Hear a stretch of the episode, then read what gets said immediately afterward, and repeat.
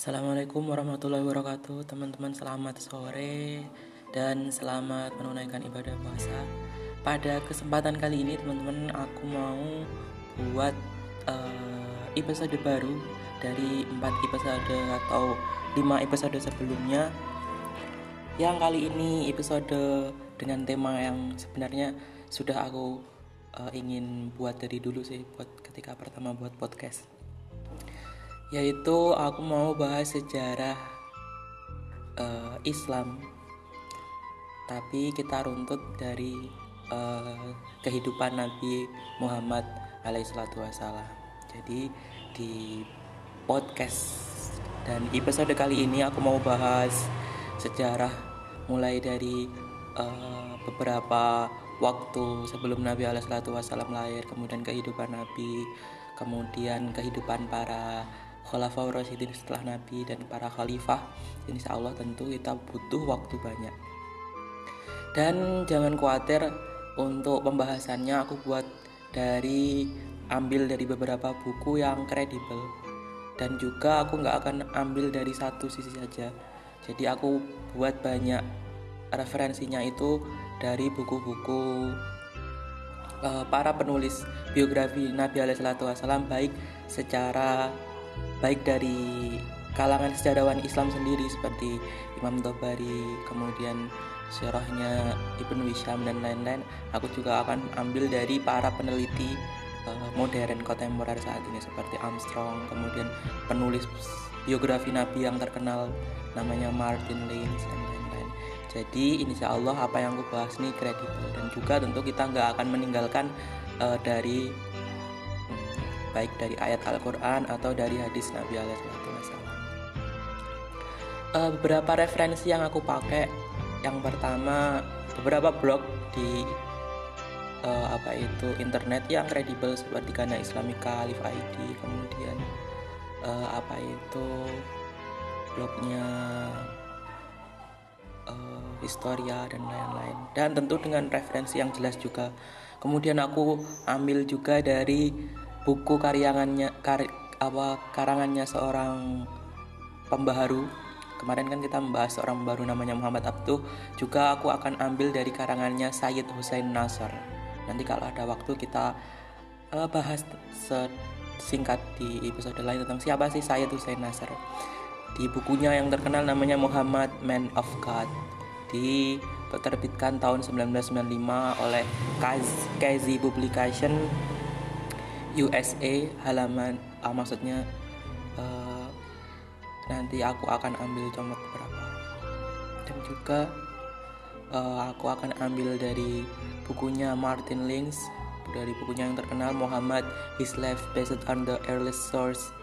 Ya kemudian juga aku ambil dari uh, sebagian uh, Ibnu Luhailah kemudian syarahnya Sahih Bukhari namanya Fathul Bari. Jadi Sahih Bukhari itu punya syarah yang terkenal namanya uh, Fathul Bari karangannya Ibnu Hajar al Asqalani juga Sirah Nabawiyah karangannya Ibnu Hisham.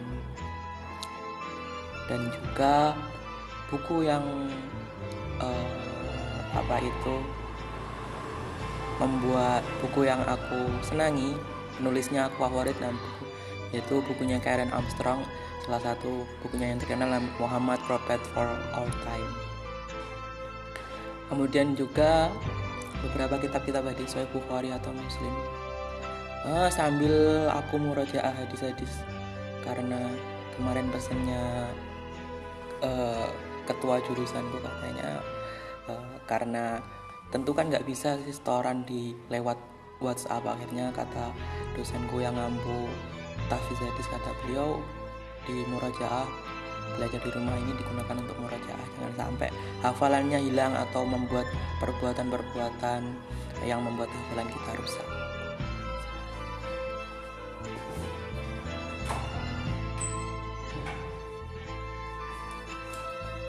Uh, baik pada segmen kita yang pertama kita akan memulai dari sejarah Nabi Muhammad Sallallahu Alaihi Wasallam dan kita mulai dari berleluhur Nabi yang terkenal yaitu Siti Hajar dan Ismail alaihi salam.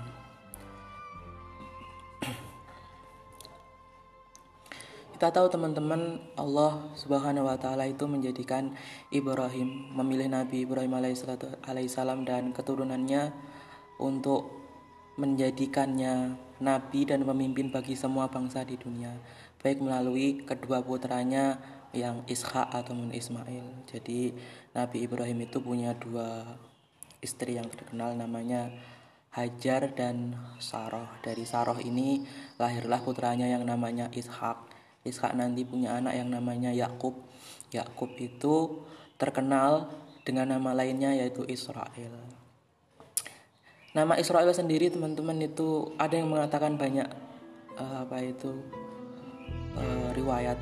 Ada yang mengatakan Israel itu dari kata Isra dan Il, Eli, yaitu orang yang diperjalankan oleh Tuhan. Ada juga Israel itu kalau kita merujuk pada kitab saudara kita dari kalangan Nasrani ya, Yakub itu diberi gelar Israel setelah dia berhasil bergulat dengan dengan malaikat Tuhan. Kemudian ketika bergulat itu sampai pagi dan sesuai dengan kalau katanya Armstrong itu sesuai dengan mitologi mitologi mitologi zaman dulu kisah-kisah apa kisah-kisah peradaban zaman dulu itu disebutkan uh, ketika sebuah sosok mistis itu waktunya sudah mau pergi dia akan dia akan kembali. Ketika apa itu waktunya sudah mau pagi dia akan uh, pergi kembali ke asalnya. Dan sebelum pergi itu Israel Israel tadi. Yakub nama aslinya dia bertanya kepada sosok tadi karena dia tidak kenal siapa kamu? Akhirnya ada yang mengatakan riwayat dia adalah uh, Tuhan yang menjelma. Kalau dalam kisah-kisah Israeliat kisah Yahudi. Kalau dalam kita memper, mempercayai itu adalah malaikat Tuhan. Uh, khas mitologi zaman dahulu katanya Armstrong seperti itu. Kemudian dari anaknya yang lain yaitu Ismail itu dari ibu yang bernama Hajar ada yang namanya Hagar ada yang mengatakan Hagar atau yang mengatakan namanya Hajar kita menyebutnya Hajar, Siti Hajar. Siti itu sebenarnya uh, pelafalan masyarakat Indonesia untuk Sayyida Sayyidati atau Sayyidatuna Hajar. Dari Ismail inilah menurun Nabi Alaihissalam dan dari Yakub itu menurun seluruh nabi dari yang kita percayai 25 nabi dan rasul itu semuanya setelah uh, runtutan waktu berdasarkan Yakub itu semua dari keturunannya Ishak Yakub, Yusuf, Ayub, Yusuf semua sampai Nabi Isa alaihi salam itu diambil dari keturunan keturunannya Isra, nabi-nabi Israel. Hanya Nabi Muhammad itu dari 25 nabi itu yang berasal dari keturunannya uh, Ismail. Uh, baik, kita akan mas masuk ke bagaimana sih kondisi Mekah saat itu. Mekah teman-teman saat itu telah berkembang pada abad-abad sebelum Islam menjadi salah satu kota metropolitan paling masyur di dunia. Maksudnya saat itu sebelum Islam maksudnya sebelum Nabi Alaihissalam lahir di Mekah Mekah memang dikenal sebagai sebuah pusat peradaban eh, setidaknya untuk ukuran Timur Tengah ya banyak orang-orang pergi berziarah, banyak orang-orang berdagang di situ karena saat itu juga merupakan Mekah itu jalur perdagangan antara orang-orang Yaman dan orang-orang e, dari daerah Timur Tengah yang bagian Syria, Syam. Jadi sebagai pusat atau titik temu per, perdagangan tentu Mekah sudah memiliki peradaban yang mumpuni, maksudnya sudah banyak e, orang yang tinggal di situ juga sudah banyak bangunan itu bahkan sebelum uh, lahirnya Nabi Alaihissalam. Jadi kota Mekah itu maju itu kalau kita lihat sejarahnya karena dua alasan. Yang pertama ya karena dia sebagai rute karavan atau perdagangan dari Samudra Hindia hingga ke Mediterania, dan sebagai tempat ziarah paling penting di semenanjung Arab maksudnya Ka'bah. Jadi uh, ibadah haji itu teman-teman haji umroh yang dilakukan di Ka'bah itu bukan uh, muncul uh, Nabi Alaihissalam kemudian uh, baru muncul di Islam akan tetapi kita tahu ada sebagian syariat dalam Islam itu yang diteruskan melalui uh, sebelumnya. Ada beberapa ibadah yang itu sudah dilakukan oleh orang-orang Arab di zaman Mekah saat itu di zaman sebelum Nabi Alaihissalam itu diutus. Dan ketika Nabi Alaihissalam menerima syariat Islam itu diteruskan dan sedikit diubah mengenai hal-hal yang bertentangan dengan yang dilarang seperti penyembahan berhala kemudian cara berpakaian yang benar. Kemudian Mekah itu mulai mendunia sejak zamannya Nabi Ibrahim alaihissalam. Nah, Nabi Ibrahim itu kalau saya ingat saya sekitar 1997 sampai 1822 sebelum Masehi garis bawahi sebelum Masehi. Nabi Ibrahim itu kalau katanya Armstrong kalau katanya Armstrong itu bapak monoteisme bagi Yahudi, Kristen dan Islam. Yaitu dia yang dengan anaknya membangun rumah Allah maksudnya Baitullah dengan yang saat ini kita kenal sebagai uh, Ka'bah bapak uh, bapak tiga agama samawi itu biasanya kalau dalam buku-buku para penulis barat itu disebutkan agama-agama seperti Islam uh, kita udah di atas Yahudi, Kristen, Islam itu dengan seluruh mazhab-mazhab di dalamnya itu di golongkan dalam satu kelompok agama yaitu namanya agama Abrahamik. Dia disebut Abrahamik karena dasar-dasar dan person-person yang menjadikan tokoh atau founding dari uh, agama itu itu adalah keturunannya dari Nabi Ibrahim alaihissalam dan juga mereka merujuk pemahamannya kepada Nabi Ibrahim. Nabi Ibrahim itu diakui dalam semua kepercayaan Yahudi, Islam, Kristen dan berebut dengan mengklaim mana yang saling benar kalau katanya orientalisme para pengen para tokoh orientalis. Adapun dalam kepercayaan Islam eh, Ibrahim itu Nabi Ibrahim telah memenuhi semua perintah dan cobaan serta memelihara iman sepanjang hidupnya. Itu juga sebagai hasil dari seluruh pengorbanan Nabi Ibrahim terhadap syariat-syariat Islam pada saat itu. Ibrahim dan keturunannya oleh Allah, oleh Tuhan dijanjikan untuk menjadi nabi dan pemimpin bagi semua bangsa di dunia melalui kedua putranya yaitu Ishak dan Ismail. Itu kita bisa lihat merujuk dalam surat Al-Baqarah ayat 124. Uh, meskipun demikian teman-teman meskipun Nabi Ibrahim dipilih untuk melanjutkan risalah nabawi kenabian Nabi Ibrahim juga termasuk utusan Tuhan yang diuji dengan berbagai hal. Kita tahu Nabi Nabi Ibrahim itu diuji dengan rumah tangganya yang uh, ya kita uh, lama tidak mendapat momongan. Kemudian ketika Ibrahim usianya telah lanjut, beliau juga dia masih memiliki masih belum memiliki anak dari istrinya Sarah salah satu istri Nabi Nabi Ibrahim Sarah.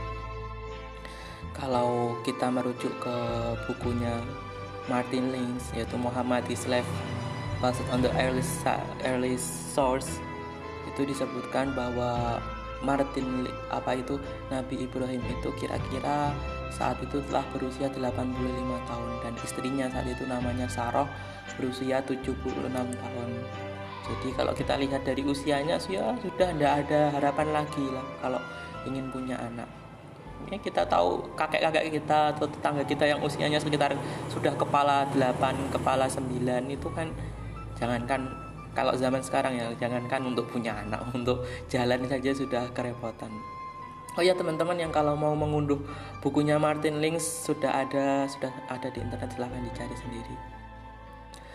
Uh, kembali ke kisahnya Sarah tadi akan tetapi meskipun begitu meskipun diuji dalam keadaan umurnya yang sudah sangat sepuh dan belum punya keturunan bagi seorang Arab dan apalagi seorang tokoh penting seperti Ibrahim mempunyai keturunan itu adalah sesuatu hal yang penting. Kita tahu orang Arab itu terkenal dengan budaya patriarki yaitu pentingnya uh, patriarki salah satu fahamnya itu adalah pentingnya memiliki suksesor atau keturunan seorang laki-laki. akan tetapi jangankan seorang laki-laki punya anak saja belum akan tetapi meskipun demikian dengan kepercayaan kepada Tuhan Nabi Ibrahim selalu berharap bahwa suatu hari nanti uh, Tuhan akan mengaruniakan kepada beliau seorang anak yang akan memberikan kesenangan dan kebahagiaan di usia senjanya seperti dilukiskan dalam surat uh, Ibrahim. Dan kita tahu Saroh ini dia seorang putri seorang putri. Putri cantik terkenal cantik. Sarah itu memiliki seorang sahaya wanita, budak wanita yang bernama Hajar yang dibawanya dari dari Mesir. Jadi ada suatu kisah yaitu ketika Nabi Ibrahim pergi ke Mesir bersama Hajar, dia kemudian kalau dalam hadis itu disebutkan uh, saya tidak tahu di hadis atau di apa tapi disebutkan dipercaya dalam tradisi Islam saat itu dia ditangkap oleh penguasa Mesir saat itu. Saya tidak tahu apakah itu Firaun atau bukan. Akan tetapi Firaunnya itu unik. Dia itu suka wanita, tapi wanita yang sudah ada memiliki suami. Jadi kalau ada wanita itu disukai sama Firaun, dilihat oh, dia ini cantik, bagus. Wah, apalagi sudah punya laki-laki itu langsung diambil saja begitu. Ya, karena penguasa apa itu daya kerajaan kan seperti itu dan singkat cerita dia tidak berhasil mendapatkan saroh tentu ada kisah seperti Nabi Ibrahim mengaku tapi kita tidak sedang membahas itu saksi bahasan kita bahwa saat ketika itu Syarah ini dia mendapat pertolongan lah dari Tuhan akhirnya karena sudah kapok Firaun dengan tidak bisa putus asa akhirnya selain juga e, disuruh pergi dilepaskan dia juga diberi hadiah imbalan agar wanita agar e, dapat membantu kehidupan Saroh. Namanya itu adalah Hajar tadi. Jadi itu asal usulnya Hajar e, bagaimana bisa e, bertemu dengan Nabi Ibrahim dan Saroh.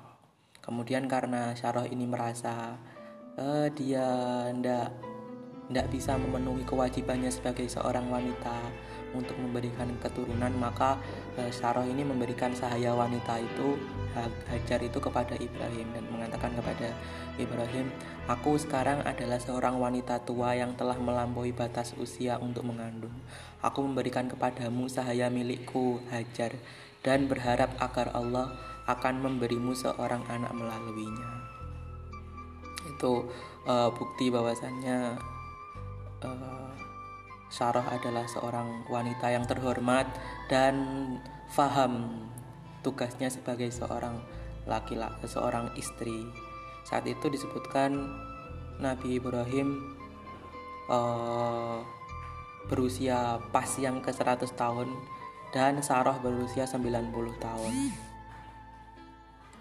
Itu katanya Martin Links dalam salah satu uh, tulisannya.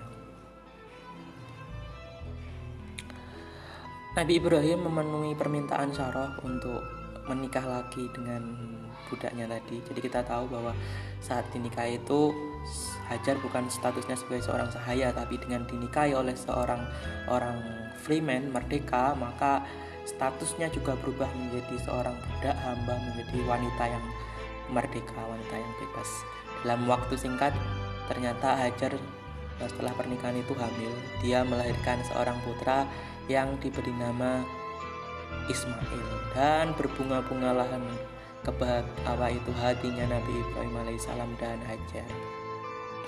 Ismail ini ada yang mengatakan disebut Ismail karena dia uh, hasil dari doa-doa Nabi Ibrahim.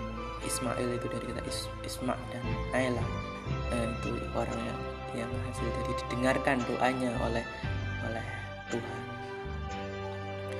Akan tetapi belum lama kebahagiaan keduanya miliki Ismail, beliau diuji kembali untuk membawa Ismail dan istrinya Hajar ke Mekah. Nah, jadi nah, Saroh ini merasa ya awalnya dia memberikan Hajar. Tapi karena tahu bahwasannya Hajar sudah memiliki anak dan itulah yang diharapkan Ibrahim sekian lama.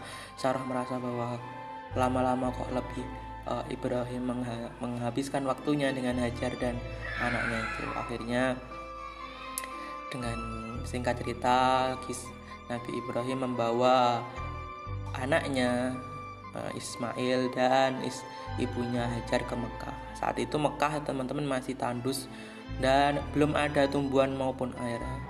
Nggak ada orang pun yang tinggal di sana kan? Tapi Tuhan telah memerintahkan Nabi Ibrahim untuk meninggalkan Ismail dan Hajar di tempat itu. Ada dalam uh, surat Ibrahim kalau tidak salah saya bukan seorang hafiz teman-teman. Jadi tidak bisa kalau saya disuruh menentukan ayatnya. Tapi yakin ada. Karena Nabi Ibrahim sebagai seorang yang tidak pernah membantah perintah Tuhan seorang uh, seorang hamba yang patuh maka ya ditinggalkanlah putranya itu bersama ibunya di sana. Dan cuma diberi bekal sekantong korma dan sedikit air. Dan ketika perjalanan kembali ke Palestina jadi Nabi Ibrahim itu uh, tinggalnya awalnya di Palestina. Ada kok kota khusus kalau dalam perjanjian lama itu disebutkan dari mana saya lupa kok ada tapi sebelum di Palestina Nabi Ibrahim itu berasal dari apakah Babilonia itu tapi lupa saya. Tapi bukan Palestina asal Nabi Ibrahim bukan Palestina. Ketika perjalanan pulang itu Nabi Ibrahim sebagai seorang ayah yang ya punya anak dan punya istri beliau berkali-kali berdoa seraya merangkat uh, mengangkat tangannya dan berdoa dengan sedih kata dia ya Tuhan kami ya Allah ilahi sesungguhnya aku telah menempatkan sebagian keturunanku di lembah yang tidak memiliki yang mempunyai tanaman di dekat rumah engkau yang dihormati. Ya Tuhan kami yang demikian itu agar mereka mendirikan sholat maka jadikanlah hati sebagian manusia cenderung kepada mereka dan beri rezekilah mereka dari buah-buahan. Mudah-mudahan mereka bersyukur. Jadi Nabi Ibrahim berdoa kepada Allah agar untuk ya Allah aku pasrahkan anak-anak anak dan istriku. Engkau yang memberi aku petunjuk untuk meninggalkan mereka di lembah itu dan engkau juga yang aku yakin pasti akan merawat mereka. Jadi dari sini kita bisa ambil pelajaran bahwa seorang muslim begitulah seorang muslim ada beberapa hal yang kita tidak bisa lakukan cukup kita dengan ikhtiar semampunya dan selebihnya biarkan tangan Tuhan dalam tanda kutip bermain di situ. Sementara itu di lembah yang ditinggalkan oleh Nabi Ibrahim tadi meninggalkan anaknya Hajar dan uh, Ismail bersama Ismail yang saat itu masih kecil masih bayi cuman bisa bertahan beberapa hari kalau diestimasi dengan bekal yang ditinggalkan sekantong kurma dan uh, sekantong air. Tentu hanya dalam hitungan hari bekal itu habis sudah habis keduanya dan mereka berdua segera merasa sangat lapar dan haus. Akhirnya sebagai seorang bayi yang tidak bisa apa-apa, Ismail cuma bisa menangis. Tentu sebagai seorang ibu itu sangat menyayat hati bagi Hajar dia terdesak dan juga tidak bahagia, tidak berdaya karena dia seorang wanita lemah, punya juga anak kecil di tengah lembah tandus. Dan saat itu ya memang tidak ada apa-apa, tidak ada tumbuhan, tidak ada tidak ada apa itu apa air. Berbeda kalau di Indonesia ini kalau kita tersesat atau nyasar di sebuah tempat tidak bisa bergerak di situ kan pasti ada air pada tumbuhan ada pisang lah ada apa. Ini benar-benar surga Allah. Tapi di Timur Tengah tidak seperti itu di tengah gurun. Akhirnya Hajar cuma bisa berlalian ke sana kemari berharap bisa menemukan sesuatu bagi Ismail dia menaiki sebuah bukit kecil namanya Al Sofa tapi dia tidak bisa melihat apa pun dan siapa pun Kemudian dia turun dan menaiki bukit berikutnya namanya Al Marwah. Dan keduanya sama-sama bukit yang kedua tidak ada tanda hidupan di sekelilingnya. Bayi mungil Ismail akhirnya ya tetap kehausan. Kemudian dia menggeser geserkan tanah dengan kakinya. dengan kuasa Allah akhirnya air memancar keluar di antara kaki mungil Ismail. Kemudian ketika tahu peristiwa yang luar biasa itu disebutkan di hadis riwayat Bukhari nomor 3364 dan 3365 di Sahih Bukhari. Teman-teman bisa buka kitab Sahih Bukhari. Disebutkan semoga Allah merahmati Ummu Ismail ibunya Ismail seandainya saja dia membiarkan zam-zam atau seandainya dia tidak menggayung maka air zam-zam akan mengalir terus. Jadi ketika muncul itu e, Nabi siapa Siti Hajar itu e, dia membuat semacam dicidui airnya. Karena kan mengalir ke atas itu dicidui dan dibuat setanggul di antara keduanya kalau kata Nabi Alaihi Wasallam dalam hadis Bukhari, kalau seandainya tidak seperti itu, e, ibunya Ismail, e, maksudnya Siti Hajar pasti sudah banjir, ndak berhenti berhenti mengalir, ndak ukuran. Begitu dalam kitab Sahih Bukhari. Kemudian ketika tahu Hajar peristiwa yang sangat luar biasa itu beliau berteriak berdoa Tuhan Maha Tinggi sambil kemudian bersujud kepada Allah Subhanahu wa taala sebagai wujud tanda syukur. Sumber mata air yang berkah itu kemudian dikenal hari ini kita menyebutnya sebagai zam-zam yang menjadi tempat pemberhentian setiap setiap karavan yang datang dari jauh. Jadi setelah peristiwa itu eh, banyak karavan-karavan apa itu unta atau karavan-karavan niaga itu datang ya biasa kan kalau ada suatu sumur di tengah itu pasti menjadi persinggahan untuk memberi minum uh, tunggangannya, untanya atau untuk bekal dia sendiri. Saya kira itu dulu untuk pertemuan kali ini. Pada episode berikutnya kita akan membahas uh, sejarah Nabi Muhammad dengan tema kabilah Jurhum dan asal usul bangsa Arab. Siapa sih bangsa Arab itu?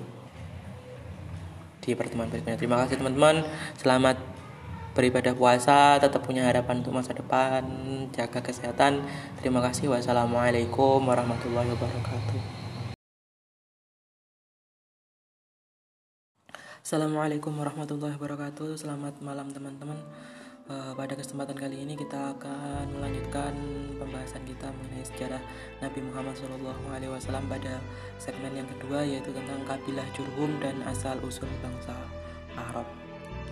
Jadi uh, ketika saat segmen sebelumnya kita telah sampai pada kisah di mana Nabi Ismail yang kecil dan Siti Hajar telah menemukan air zam-zam, sumur zam-zam, maka pada kesempatan kali ini kita akan meneruskan kisah ketika air zam-zam tersebut telah memancar dari kaki Nabi Ismail, maka burung-burung yang mencium aroma air tersebut berterbangan dan mengitari lembah air baru itu. Jadi uh, salah satu apa ya tabiatnya burung-burung itu selain mereka bisa mencium bau-bau yang seperti daging maka mereka juga bisa biasa mengitari sebuah tempat di mana di situ ada sumber mata air begitu kata uh, As-Sayyid Kamal As-Sayyid dalam salah satu bukunya yaitu The Greatest Stories of Al-Quran pada halaman 92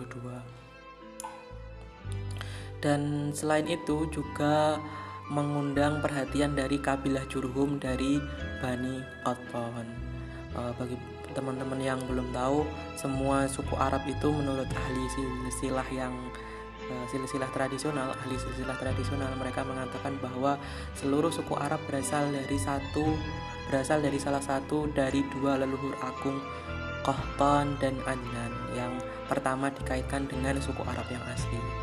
Jadi yang terakhir dikaitkan dengan percampuran darah dengan non-Arab. Wahtan itu awalnya teman-teman berada di Yaman sebelum bermigrasi atau berpindah ke uh, berpindah ke Mekah. Begitu kata uh, Karl Perkhois dalam salah satu bukunya Ismail on the Border Rabbin, Rabbinic Portrayal of the First Arab terbitan State University of New York Press Albany apa itu Albany pada tahun 2006 halaman 100 17 uh, ketika uh, kabilah Jurhum tadi juga tinggal di bagian bawah sebagian kota Mekah.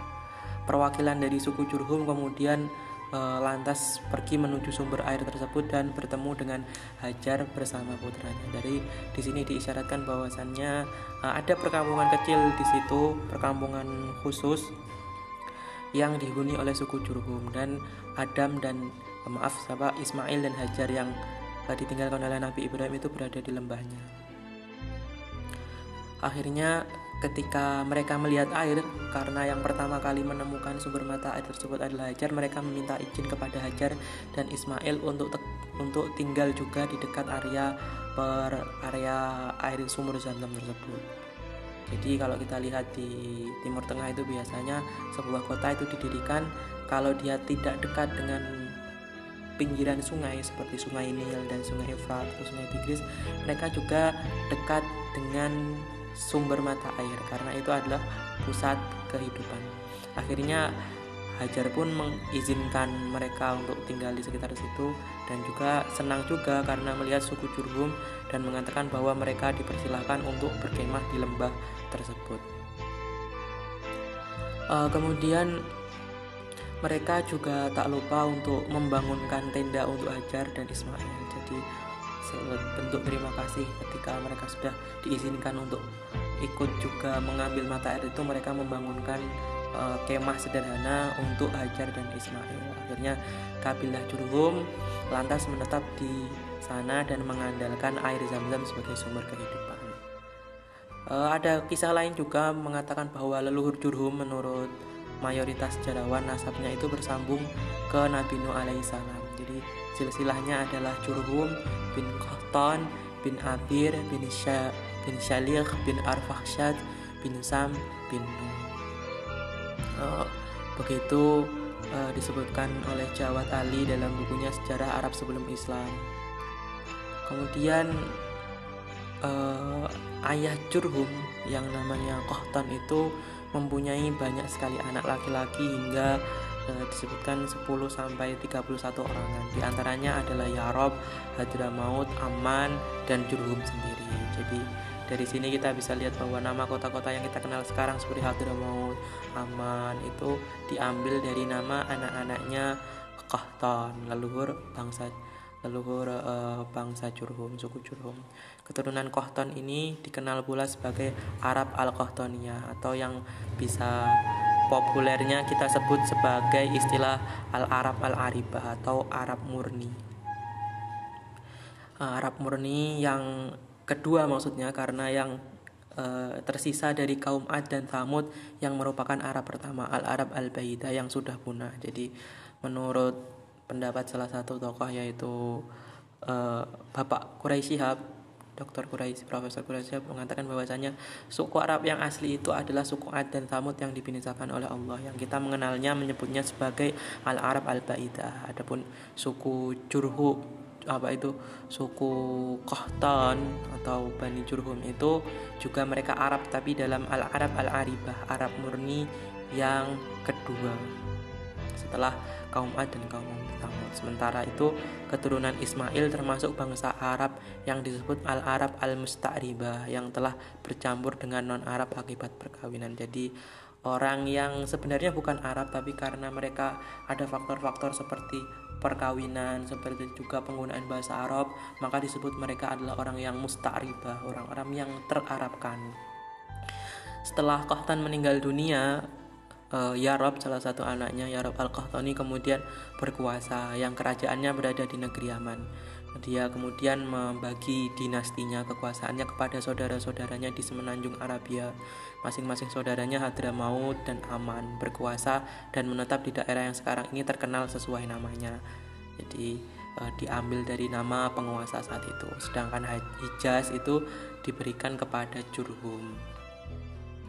Di Hijaz itu kabilah Jurhum teman-teman tersebar di berbagai jalur pedagang apa di jalur para pedagang Arab Selatan menuju laut e, Mediterania.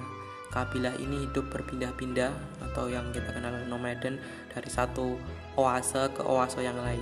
Jadi mereka orang-orang yang berpindah sesuai dengan kondisi alam dan sumber kehidupan. Mereka juga hidup bergelombol dan mengembara untuk mencari sumber air dan makanan bagi kambing maupun unta mereka. Unta dari Bani Jurhum merupakan kendaraan utama di Sahara kala itu. Dengan menunggang unta, sejak Sahara luas menjadi sempit dan daerah ekspansi jelajah hanya dibatasi cakrawala uh, begitu yang diungkapkan oleh Fuad Hasim dari bukunya Surah Muhammad Rasulullah SAW. Jadi unta itu salah satu alat transportasi yang penting. Meskipun saya pernah baca bahwasannya hewan yang paling kuat menahan tidak minum lama itu adalah sebenarnya jerapah bukan unta tapi unta kelebihannya mereka bisa menjelajah di eh, gurun-gurun uh, karena kaki mereka itu didesain untuk mencengkeram Eh, pasir-pasir uh, daratan gurun yang bisa berubah sewaktu-waktu karena angin dan kondisi lainnya. Demikianlah kabilah Jurhum itu yang semula hidup nomaden itu menetap bersama Hajar dan Ismail. Jadi setelah bertemu dengan uh, sumber air mata, sumber zam-zam mereka tidak lagi hidup nomaden berpindah-pindah cukup dengan menggantung menggantungkannya pada sumber uh, mata airnya Hajar dan Ismail tadi. Setelah itu pembauran dan percampuran budaya uh, terjadi antara keduanya. Ismail tumbuh dewasa di tengah suku Jurhum. Malah nenek moyang Ismail yang semula berbahasa Ibrani akhirnya belajar bahasa Arab melalui suku Jurhum. Ya, jadi salah satu bentuk akulturasi budaya adalah karena berbaur dengan suku Jurhum yang berbahasa Arab padahal sebelumnya berbahasa Ibrani akhirnya menjadi musta'ribah atau terarabkan. Dan ketika Ismail tumbuh dewasa itu ia menikah dengan putri pemimpin suku Jurhum dikarunai 12 anak yang menjadi nenek moyang bangsa Arab. Nah, apa itu? Sejak saat itu lembah Mekah yang tandus dan sepi itu berubah menjadi ramai, menjadi semakin ramai karena di situ ada uh, sumber mata air zam-zam. Banyak manusia juga lalu lalang melintasi oasis di tengah Sahara itu. Para penggembala uh, juga sering singgah. Rombongan kafilah-kafilah dagang juga kadang silih berganti atau sekedar cuman bertukar onta, berjualan gandum atau juga mendengar ajaran Ibrahim alaihissalam. Kafilah Jurhum juga yang uh, sebelumnya terpecah belah sekarang telah bersatu dengan ajaran Ibrahim dan lembah Mekah selama berabad-abad. Begitulah Bani Ismail hidup di lembah itu bersama suku Jurhum dan setelah beberapa generasi sesudahnya Nabi Alaihissalam Nabi Muhammad uh, apa itu dilahirkan di tempat yang sama. Begitulah uh, pembahasan kita kali ini sedikit singkat karena ini waktu perali apa itu sempit antara maghrib dan dengan isya. Nah, selamat berbuka berbuka puasa teman-teman. Selamat berpuasa juga sehari. Uh, pada pembahasan segmen berikutnya kita akan membahas bahasa Arab sebagai uh, lingua franca. Apa itu lingua franca? Kita akan bahas di pertemuan berikutnya di segmen ketiga kita. Terima kasih. Assalamualaikum warahmatullahi wabarakatuh Assalamualaikum warahmatullahi wabarakatuh teman-teman. Selamat malam. Pada segmen kali ini kita akan meneruskan uh, salah satu uh, tema kita yaitu tentang sejarah Nabi Muhammad SAW Yang pada segmen ketiga kali ini kita akan membahas tentang bahasa Arab sebagai lingua uh, bahasa Arab sebagai lingua franca tulisannya gitu lingua franca. Mungkin dibaca sebagai lingua franca atau seperti itu. Uh, kita tahu teman-teman dalam kalau kita mau belajar memperdalam belajar agama yang pertama kali difahami di, diajarkan dengan sangat metode adalah bahasa tentang bahasa jadi kalau teman-teman masuk ke pondok pesantren itu tentu yang paling awal dibahas diajarkan kepada santri itu adalah tentang bahasa Arab khususnya. Kemudian berkaitan dengan tema bahasa Arab sebagai lingua franca. Apa sih maksudnya lingua franca? Jadi kalau kita buka-buka referensi sejenak lingua franca itu kalau diterjemahkan secara letter let namanya berarti bahasa bangsa Franka itu adalah sebuah istilah linguistik eh, yang tadinya adalah bahasa pengantar atau maksudnya bahasa pergaulan di suatu tempat. Maksudnya eh, bahasa yang digunakan di suatu tempat di mana di tempat tersebut terdapat penutur bahasa yang berbeda-beda.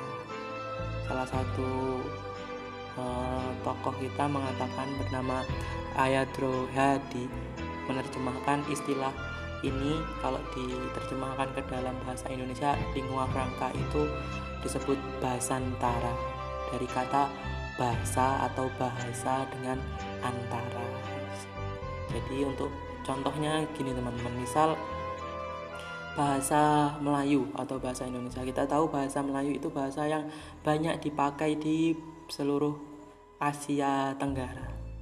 Jadi di kawasan Asia Tenggara itu bahasa Melayu itu tidak digunakan cuman dari para penutur asalnya, para penutur ibunya. Misal dari kelompok teman-teman kita, saudara kita dari wilayah Sulawesi, atau, oh, maaf Sulap, uh, Sumatera atau sebagian wilayah Malaysia. Jadi bahasa Melayu itu digunakan oleh penutur oleh masyarakat Asia Tenggara sebagai bahasa pengantar untuk memudahkan berkomunikasi. Contoh yang lebih gampang lagi bahasa Inggris.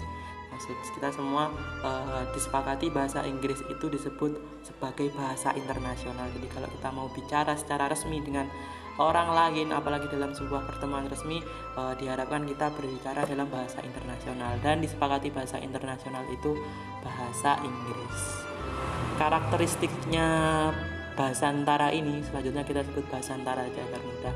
Itu uh, sesuatu yang lebih diartikan istilah yang diartikan secara fungsional saja tidak bergantung pada sejarah linguistik maupun struktur jadi bahasanya. Jadi tidak uh, berdasarkan karena bahasa ini sederhana atau karena sejarahnya seperti ini seperti ini. Jadi ya bagaimana kesepakatan masyarakat baik langsung atau tidak langsung manusia yang tinggal di suatu tempat tersebut menggunakan bahasa apa yang digunakan untuk bahasa antara. Jadi kalau kita terjemahkan dengan mudah tema kita bahasa Arab sebagai lingua franca itu bahasa Arab sebagai bahasa pengantar atau bahasa hmm, pergaulan lah katakan. Uh, sejak dahulu teman-teman suku nomaden itu yang kita sudah bahas di pertemuan sebelumnya itu mendiami semenanjung Arabia itu telah menggunakan bahasa Arab sebagai alat komunikasinya. Kan tapi pertanyaannya itu kapan persisnya bahasa Arab itu mulai berkembang di Timur Tengah? Itu masih terjadi perdebatan di antara para ahli bahasa dan ahli sejarah. Sebagian tokoh sebagian ahli itu menganggap bahasa Arab berasal dari bahasa Semit. Nah, maksudnya Semit itu merujuk kepada suku yang di apa itu dinisbatkan kepada Sam atau Syam. Itu putranya Nabi Nuh alaihissalam nenek moyangnya juga Ibrahim dan Ismail. Uh, dan juga uh, lebih jauh dari itu ada juga yang meyakini sebagian tokoh meyakini bahwa bahasa Arab itu telah digunakan oleh Adam sejak uh, ada di surga itu pendapatnya uh, salah satu uh, dalam buku sejarah Arab sebelum Islam buku tentang geografi, iklim, karakteristik dan sejarah yang ditulis oleh Jawad Ali. Beliau mengatakan bahwa bahasa Arab itu awalnya ya digunakan Nabi Adam sebagaimana di dalam Al-Qur'an itu disebutkan percakapan-percakapan Adam dan makhluk-makhluk surga bahkan dengan Tuhan sekalipun itu menggunakan bahasa Arab. Itu katanya Jawad Ali. Dengan kata lain, jika bahasa Arab itu telah ada sejak manusia pertama di muka bumi ini, maka kita dapat simpulkan bahwasannya munculnya bahasa Arab itu sama tuanya dengan uh, dengan umur alam semesta ini. Meskipun seperti itu, bahasa Arab itu berkembang sampai mencapai bentuknya yang sekarang ini. Kalau kalaupun kita mengikuti pendapat Jawa Tali yang mengatakan bahasa Arab itu bahasa berasal dari surga, tentu kita dapat uh, tentu kita masih menemukan pendapat uh, bahasa sekarang bahasa Arab itu tidak sampai uh, melulu dengan sesuai dengan apa yang kita pelajari kaidah-kaidah bahasa Arab uh, sekarang ini. Dapat dikaitkan dengan Ismail putra Ibrahim alaihissalam. Kenapa? Karena bapak leluhur suku Quraisy Mekah itu adalah dikenal sebagai orang pertama yang berbicara bahasa Arab dengan jelas atau fasih. Begitu uh, yang uh, tertulis dalam uh, Ibnu Katsir. Sejarah lengkap perjalanan hidup para nabi sejak Adam hingga uh, Isa alaihissalam. Ada hadis Nabi yang menyebutkan bahwa Orang pertama yang berbicara dalam bahasa Arab yang jelas fasih adalah Ismail pada usia 14 tahun. Itu hadis Nabi yang dikutip oleh uh, Al-Imam Al-Hafidh Abdul Fidda Ismail Ibnu Kathir. Orang Arab orang-orang Arab sebelum datangnya Islam itu mereka sangat bangga dengan bahasa mereka dan dapat berbicara dengan fasih dan akurat bahkan menjadi kebiasaan teman-teman bagi mereka itu kalau mereka mengucapkan kalimat yang bersaja atau bersair itu mereka meng mengungkapkannya itu berbicaranya dengan spontan. Jadi kalau mereka lihat burung atau apa langsung keluar syair secara spontan. Kalau di lingkungan masyarakat kita kan bersyair itu hanya beberapa orang dan tidak semua seperti itu. Kan tapi karena bahasa Arab ini kuat kaitannya juga dengan kondisi sosial masyarakat Arab. Khusus bagi syair-syair kalau ada syair-syair yang indah dan istimewa itu biasanya digantung di Ka'bah. Kalau ada syair-syair yang terkesan menawan itu biasanya ditulis ulang kemudian apa itu digantung di uh, tembok-tembok Ka'bah uh, berkomunikasi melalui kalimat puitis dan sastra seperti itu teman-teman secara lisan itu uh, mereka adalah cara yang umum digunakan oleh orang-orang Arab pada masa itu. Jadi mereka terbiasa berbicara dengan uh, intonasi atau nada-nada yang indah dan puitis dan sastrawi.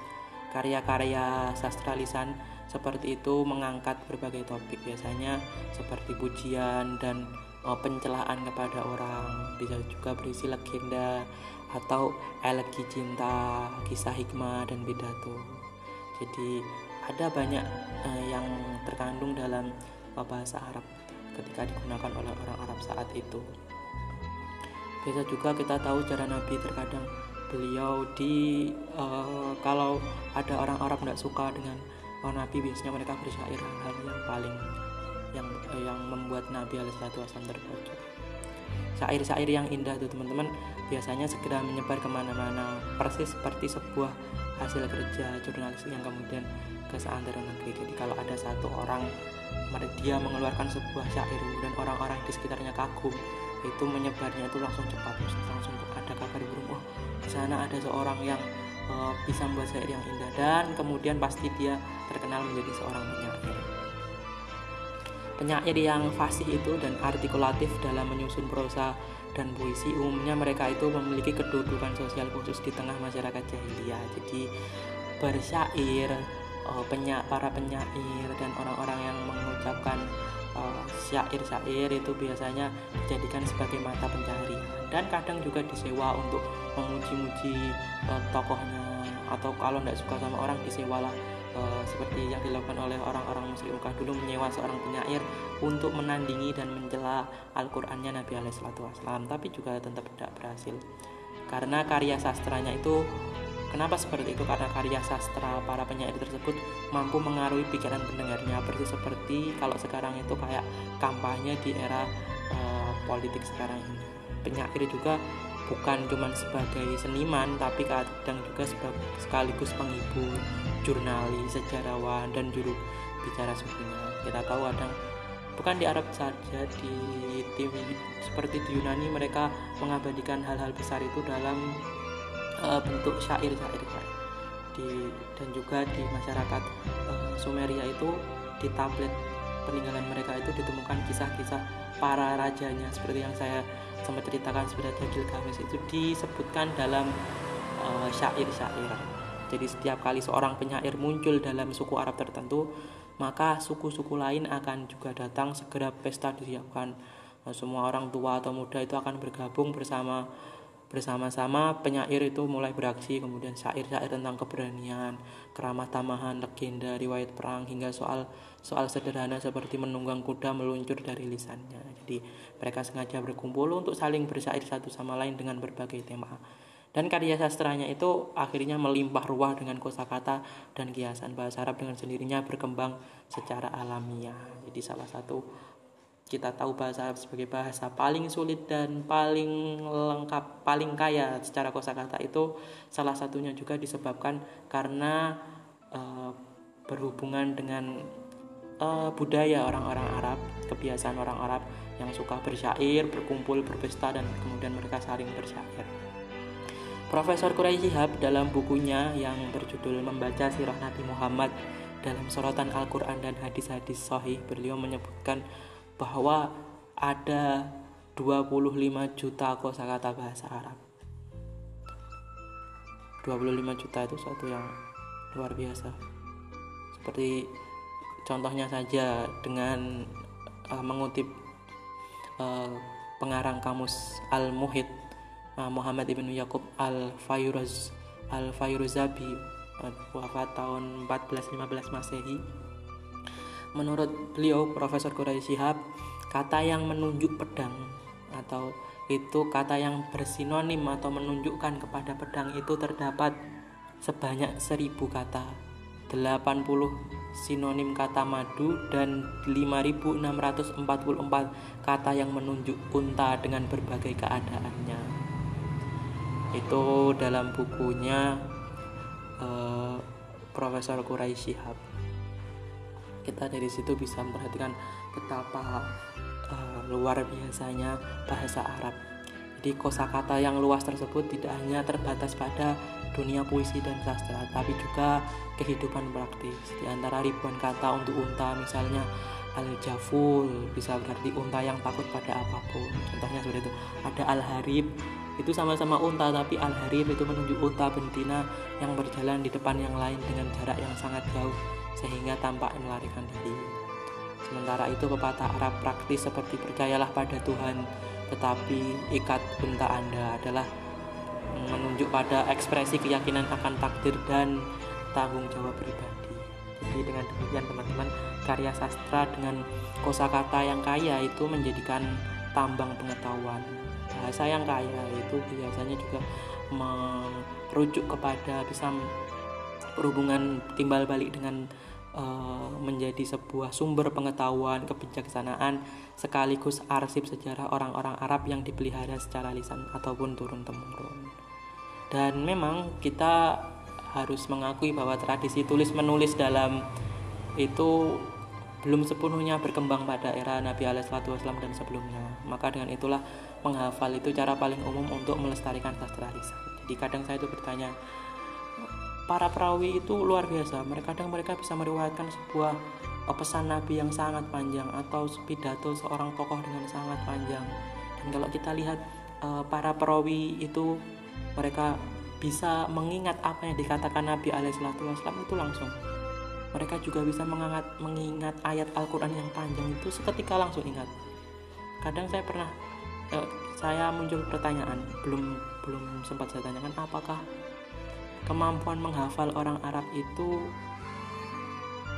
uh, yang disebutkan dalam hadis itu apakah itu memang tabiat keumumannya bangsa Arab. Maksudnya seluruh orang Arab seperti seperti itu atau cuman beberapa saja? Nah itu ingin saya tanyakan nanti kalau ada kesempatan pada dosen-dosen saya. Perkembangan bahasa Arab teman-teman juga dipengaruhi oleh kontak dengan orang yang berbeda-beda terutama disebabkan hubungan perdagangan. Kita tahu e, Mekah itu dijadikan sebagai transit perdagangan antara kafilah-kafilah dagang dari Yaman dan dari Syam di mana para pedagang Mekah itu dipastikan telah membangun saluran perdagangan yang kuat dan konstan dengan Sur Suriah dan Najran di Yaman. Sumber-sumber klasik juga menyebutkan telah terjadi kontak bahasa orang-orang Arab dengan non-Arab di kota-kota pelabuhan dan di sepanjang rute perdagangan sebelum kedatangan Islam. Jadi uh, sumber-sumber uh, yang non Arab itu mereka juga menyebutkan bahwa ada suatu tempat di di daerah Hijaz yang menjadi tujuan para peziarah. Saya dulu pernah baca bahkan di Cina itu mereka mencatat mencatat hal yang sama. Disebutkan ada sebuah tempat di daerah Hijaz yang banyak orang-orang Arab di situ mereka pergi ke situ hanya untuk berziarah dan putar-putar di salah satu bangunannya uh, jadi teman-teman kalau mau belajar sejarah itu saya sarankan jangan melihat dari satu sisi. Untuk menemukan sebenarnya apa makna yang asli atau mencoba mendapatkan sudut pandang yang lain kita juga kadang perlu untuk melihat dari sumber-sumber Eropa dari sumber-sumber Barat. Maka saya tidak setuju sebenarnya dengan orang-orang yang oh, Orientalisme itu rusak semua para tokoh Orientalis itu rusak itu mereka yang belum pernah belajar Orientalis bagi teman-teman yang pernah mengambil SKS tentang Orientalisme tentu tidak akan berbicara seperti itu dengan kontak bahasa dengan non Arab maka bahasa Arab itu akhirnya menjadi kaya. Akhirnya satu akar kata itu bisa memunculkan beragam kata yang memiliki makna berbeda. Inilah salah satu keunikannya karena bahasa Arab itu sejatinya bukan satu suku, bukan bahasa yang dimiliki oleh suku tertentu, akan tetapi bahasa yang menjadikan pengantar sebagian besar e, masyarakat di Jazirah Arab, kemudian sebagian sebagian Afrika dan Asia Tengah. Untuk itulah bahasa Arab telah tumbuh menjadi lingua franca di semenanjung Arab. Itu katanya Ahmad Satori Ismail dalam bukunya mengenal dialek-dialek bahasa Arab. Hmm, dan juga kendati banyak suku dan wilayah tersebut yang memiliki dialek bahasa mereka sendiri, tetapi mereka semua dapat memahami satu sama lain terutama dialek suku Quraisy pada waktu itu yang paling fasih dan terhormat. Jadi dalam bahasa Arab itu juga banyak hmm, versi dialeknya, bukan berbeda tapi uh, dialek seperti uh, kalau bahasa Inggris itu ada dialek uh, eh, USA Amerika, ada dialek metropolitan, ada dialeknya dari uh, Kanada, ada yang terkenal dialeknya dari English. Itu semua juga sama seperti itu. Orang Arab ada dialek Yaman. Saya ingat orang-orang Yaman itu mereka sulit mengucapkan kof. Jadi kalau ada e, kata atau kalimat dengan kof itu mereka tidak bisa. Mereka selalu membaca kof itu dengan gof ya. E, mereka biasanya kalau kita bilang ulaika humul mukorrobin gitu apa kalau ada kata malaikatul mukorrobin kita mengatakan orang-orang Arab Yaman itu mulai malaikatul mughorrobin itu seperti itu. Jadi sama seperti orang Jepang. Orang Jepang itu tidak bisa bilang tidak bisa huruf huruf L itu tidak bisa. Ya tidak bisa. Mereka uh, entah apa yang membuatkan. Apakah karena memang dalam bahasanya tidak ada huruf R saya pernah tanya pada huruf L saya pernah tanya pada guru saya dulu di waktu aliyah kenapa orang Jepang itu tidak bisa bilang L? Jadi kalau mereka bilang Alaska mereka mengatakan Alaska Alaskaru tidak bisa.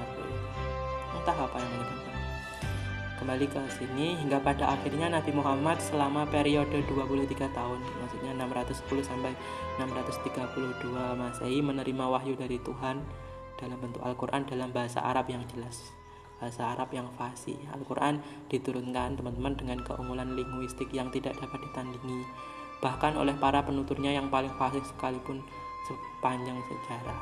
Jadi kita tahu terkadang uh, para musuh Nabi Wasallam di Mekah, para pembesar Mekah itu mereka pernah suatu waktu men menyewa seorang apa itu penyair namanya Utbah dia disewa diberi uang ya disewa diberi uang untuk mendebat Nabi Wasallam. Akhirnya ketika mendengar apa itu apa yang dikatakan Nabi tidak jadi dia balik kembali ke orang-orang para pembesarnya kata para pembesar. Quraisy gimana? Gimana Muhammad tadi bilang apa? Kata dia, dia membacakan surat ini dan surat-surat itu. Lalu bagaimana pandanganmu? Kata dia. Itu sesuatu yang sama sekali bukan berasal dari lisan seorang manusia karena syair-syair itu adalah syair-syair yang luar biasa. Itu menunjukkan bahwa tidak bisa bahasa Al-Quran. Dan kita tahu dalam sejarah banyak tokoh yang berusaha menandingi Al-Quran. Di zaman Nabi sejak dulu pun ada seorang tokoh kita tahu namanya Musailamah al-Kaza berusaha menandingi Al-Quran dengan membuat Al-Quran tandingan. Ada suratnya bahkan dia sudah mengeluarkan surat versi dia sebenarnya surat Al-Difda surat kata. Al-Difda Wal-Difda Wal Akhir Mukamal nah seperti itu saya lupa yang pasti dan sampai sekarang kita masih sebenarnya masih banyak orang yang skeptis dengan Islam. Kemudian mereka membuat buku-buku yang menulis beberapa kesalahan uh, linguistik, kesalahan gramatikal Al-Quran. Dan juga sudah banyak saudara-saudara kita para sarjanawan sarjanawan kita, para ulama kita membahas itu dan ya memang seperti itu.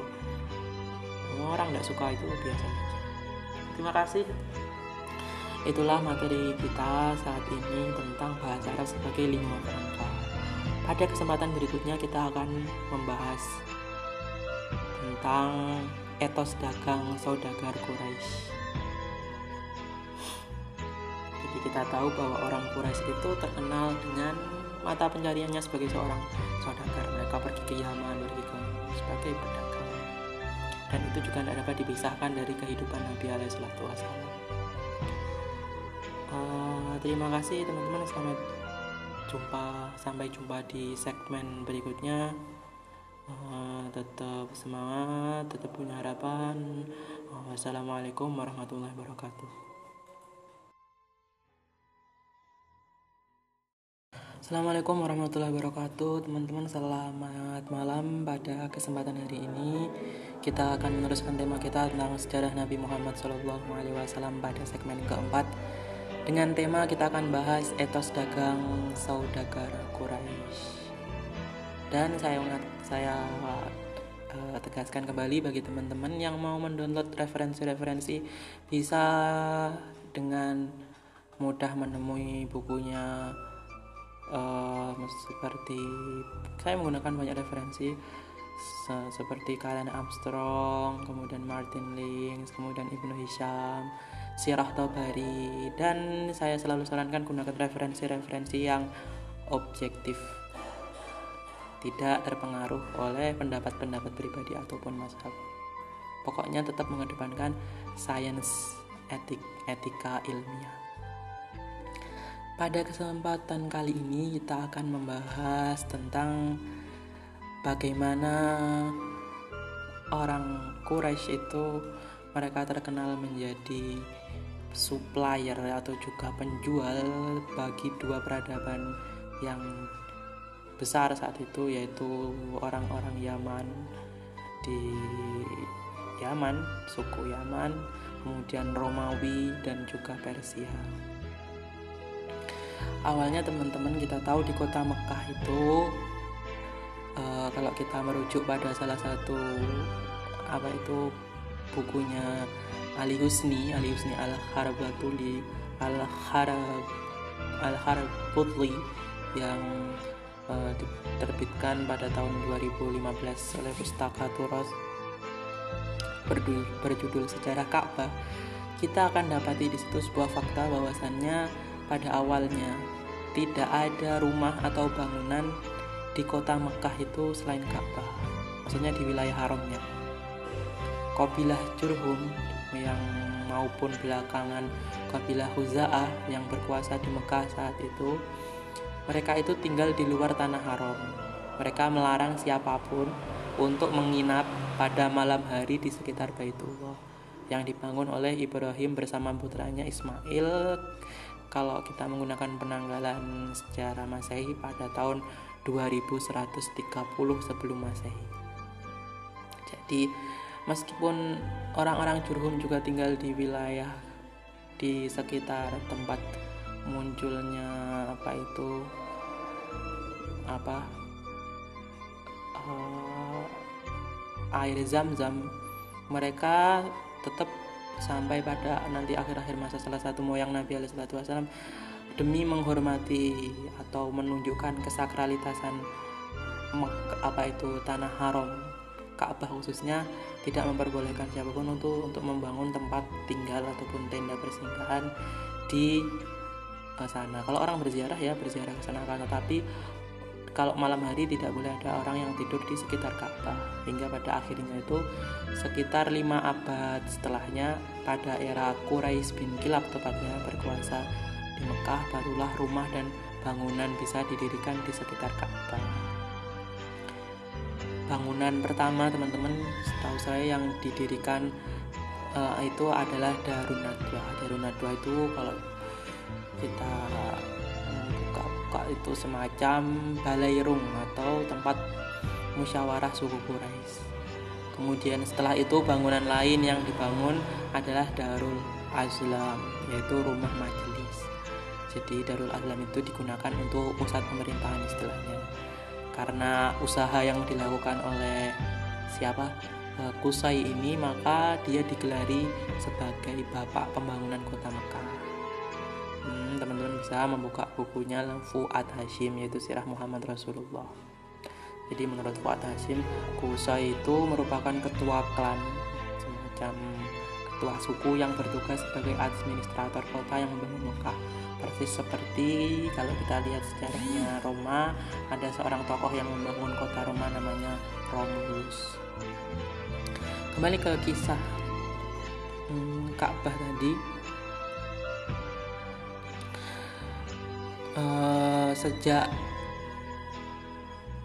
tampuk kekuasaannya itu dipegang oleh suku Quraisy Mekah itu berubah menjadi semacam pusat perdagangan.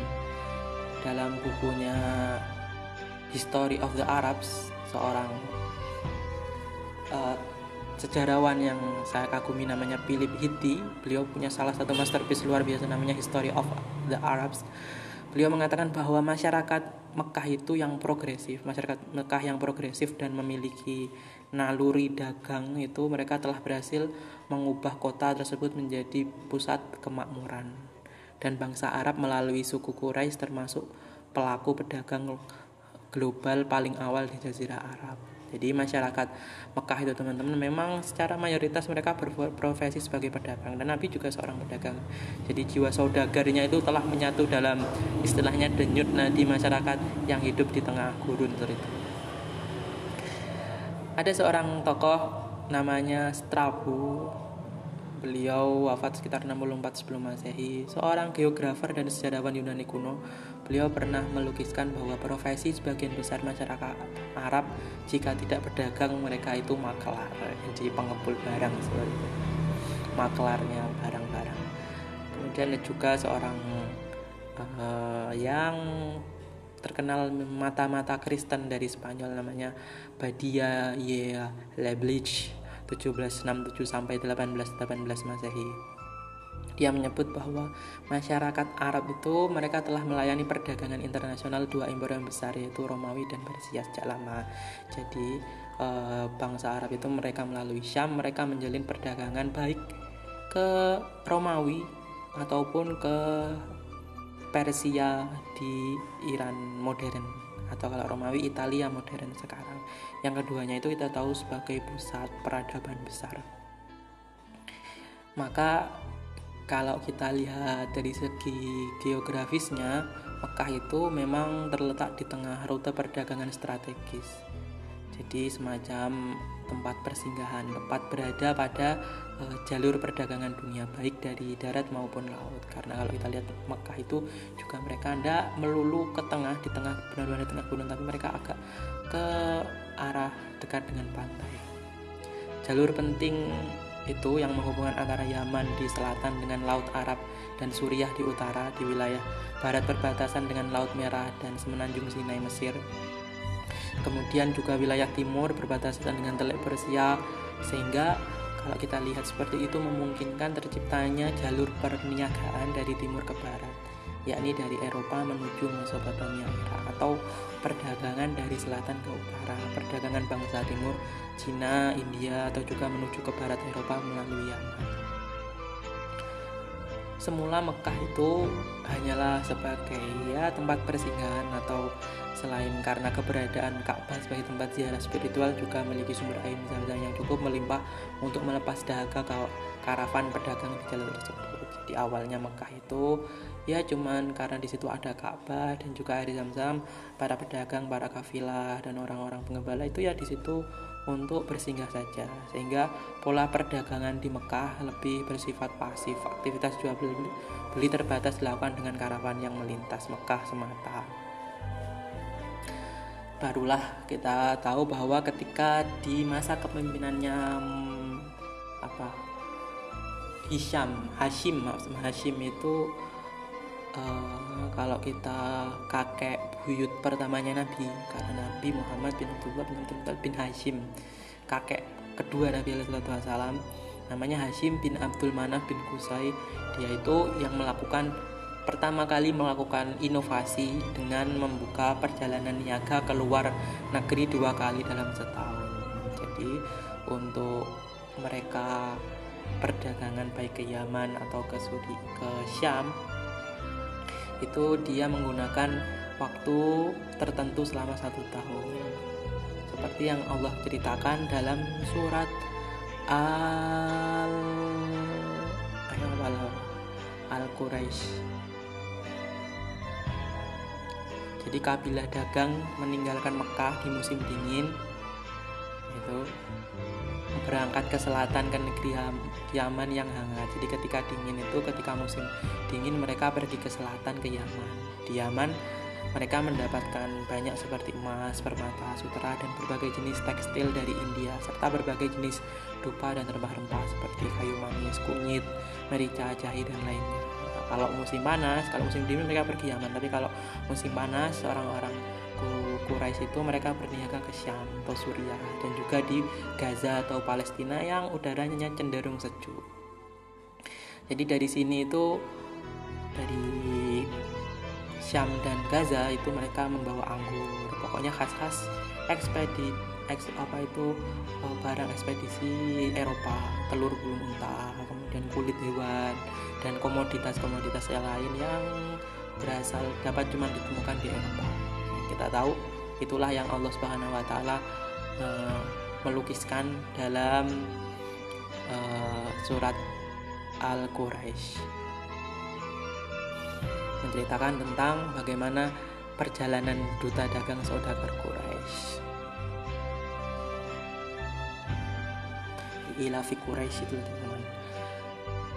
hmm, jadi misi dagangnya ke berbagai belahan dunia Arab itu tidak lepas dari faktor karena mereka orang yang etos kerja. Masyarakat Quraisy itu mereka punya semangat etos kerja yang tinggi. Etos dagang yang tidak hanya terbatas di sekitar Mekah tapi juga melakukan hubungan dengan berbagai bangsa lain di belahan dunia. Ya kalau kita lihat yang semacam itu tentu saja tujuannya untuk semacam membangunlah jalur perdagangan yang bersifat global. Jadi untuk membuka hubungan komoditas di luar e, wilayah Mekah. Karena berbagai tantangan dan ancaman keamanan kafilah dagang itu pasti ada kalau mereka melintasi gurun yang panjang. Entah mereka bertemu dengan penyamun-penyamun yang sengaja menargetkan kafilah dagang. Jadi kita kalau kita lihat sejarah itu orang-orang itu orang-orang Arab kafilah dagangnya selalu diiringi dengan pasukan pengawal yang selalu berjaga-jaga maka uh, uh, untuk me, apa itu mengantisipasi hal-hal yang tidak diinginkan kakek Nabi yang namanya Hashim itu membangun kerjasama dengan para kepala suku di sepanjang rute perdagangan ke Suriah dan Yaman. Jadi untuk memberikan hubungan timbal balik bahwa diberikan uh, jasa pengamanan. Bahkan beliau juga Hashim juga berhasil meyakinkan pemimpin Bizantium, Raja Bizantium untuk menjalin kerjasama Eh, menjalin kerjasama dengan Quraisy jadi semacam membuka hubungan perdagangan dengan uh, ke kekuasaan Romawi juga Hashim beliau itu mengamankan jalur yang mengamankan jalur uh, yang aman di Suriah untuk pedagang Mekah yang mulai mengunjungi pasar Mesir dan Suriah seperti Gaza tempat uh, Hashim jadi di Gaza itu nah uh, Hashim kakek Nabi meninggal dan uh, Basro, Basro di mana gandum merupakan komoditas impor utama Mekah. Aliansi tersebut yang tadi Hashim jalin dengan para ketua suku itu memungkinkan semacam karavan-karavan Mekah melintasi daerah-daerah baru dan mengunjungi pasar-pasar baru. Kabilah-kabilah yang ada di sepanjang jalur ini ikut menjaga keamanan mereka dan siap memberi sanksi tegas kepada siapa pun yang berbuat jahat kepada Khalifah Quraisy. Jadi mereka membuat bukan bukan cuma jasa keamanan juga, tapi semacam perdag per apa itu perjanjian agar orang-orang yang tinggal di wilayah suku yang dibuat perjanjian itu mereka juga ikut tidak mengganggu karavan. Biasanya kan satu suku itu mereka membuat sebuah daerah, sebuah daerah dan ada suku-suku kecil di situ yang pasti kalau ada babat patuh mengikuti perintah suku yang besar. Jadi langkah Hashim itu kemudian diikuti oleh saudagar-saudagar yang lain. Noval misalnya dia membuka jalan ke era Abdisyam, mengembangkan perdagangan dengan Abisania dan Abdul Muthalib dengan Yaman. Ini saudara-saudaranya Hashim, keluarga-keluarganya Hashim bin Abdi Manaf. Uh, kemudian bagian sejarawan itu juga menyebutkan bahwa setiap berkunjung ke Yaman Abdul Muthalib itu kakek Nabi bukan hanya berkunjung ke tokoh-tokoh salah satu suku di sana ada suku terkenal namanya suku Himyar tapi juga mendatangi raja-raja Yaman. Tujuannya untuk membuat perjanjian dan dapat uh, bebas berdagang di negeri tersebut. Uh, kemudian sejak saat itu sejak kaum Quraisy orang-orang Bani Hashim Bani Hashim Hashim. Berbeda Bani Hashim itu keluarga yang berasal dari Hashim. Kalau Hashim itu orangnya. Satu Hashim itu sejak saat itu dia mengusahakan dua kali perdagangan dagang yang uh, kalau musim dingin mereka pergi ke Yaman tapi kalau musim panas mereka pergi ke uh, daerah Romawi seperti Syam dan Gaza. Maka penduduk Mekah itu jadi sangat sibuk dengan dua aktivitas yang terkenal jadi mereka itu disibukkan bukan hanya dengan aktivitas dagangnya yang mulai ramai tapi juga diimbangi searah dari jam kegiatan ziarah spiritual keagamaan di Ka'bah itu juga ikut melonjak. Jadi kota Mekah kota Mekah maaf teman-teman. Minum dulu. Jadi kota Mekah itu pengaruhnya mulai mengalahkan kota-kota besar lainnya ada di Yaman itu salah satu kota terkenal saya ingat namanya San'a kemudian di Suriah juga ada uh, sebuah ziarah terkenal yang saat itu tunduk pada kekuasaannya Romawi ataupun Persia itu jadi kalah saing dengan uh, Ka'bahnya di Mekah.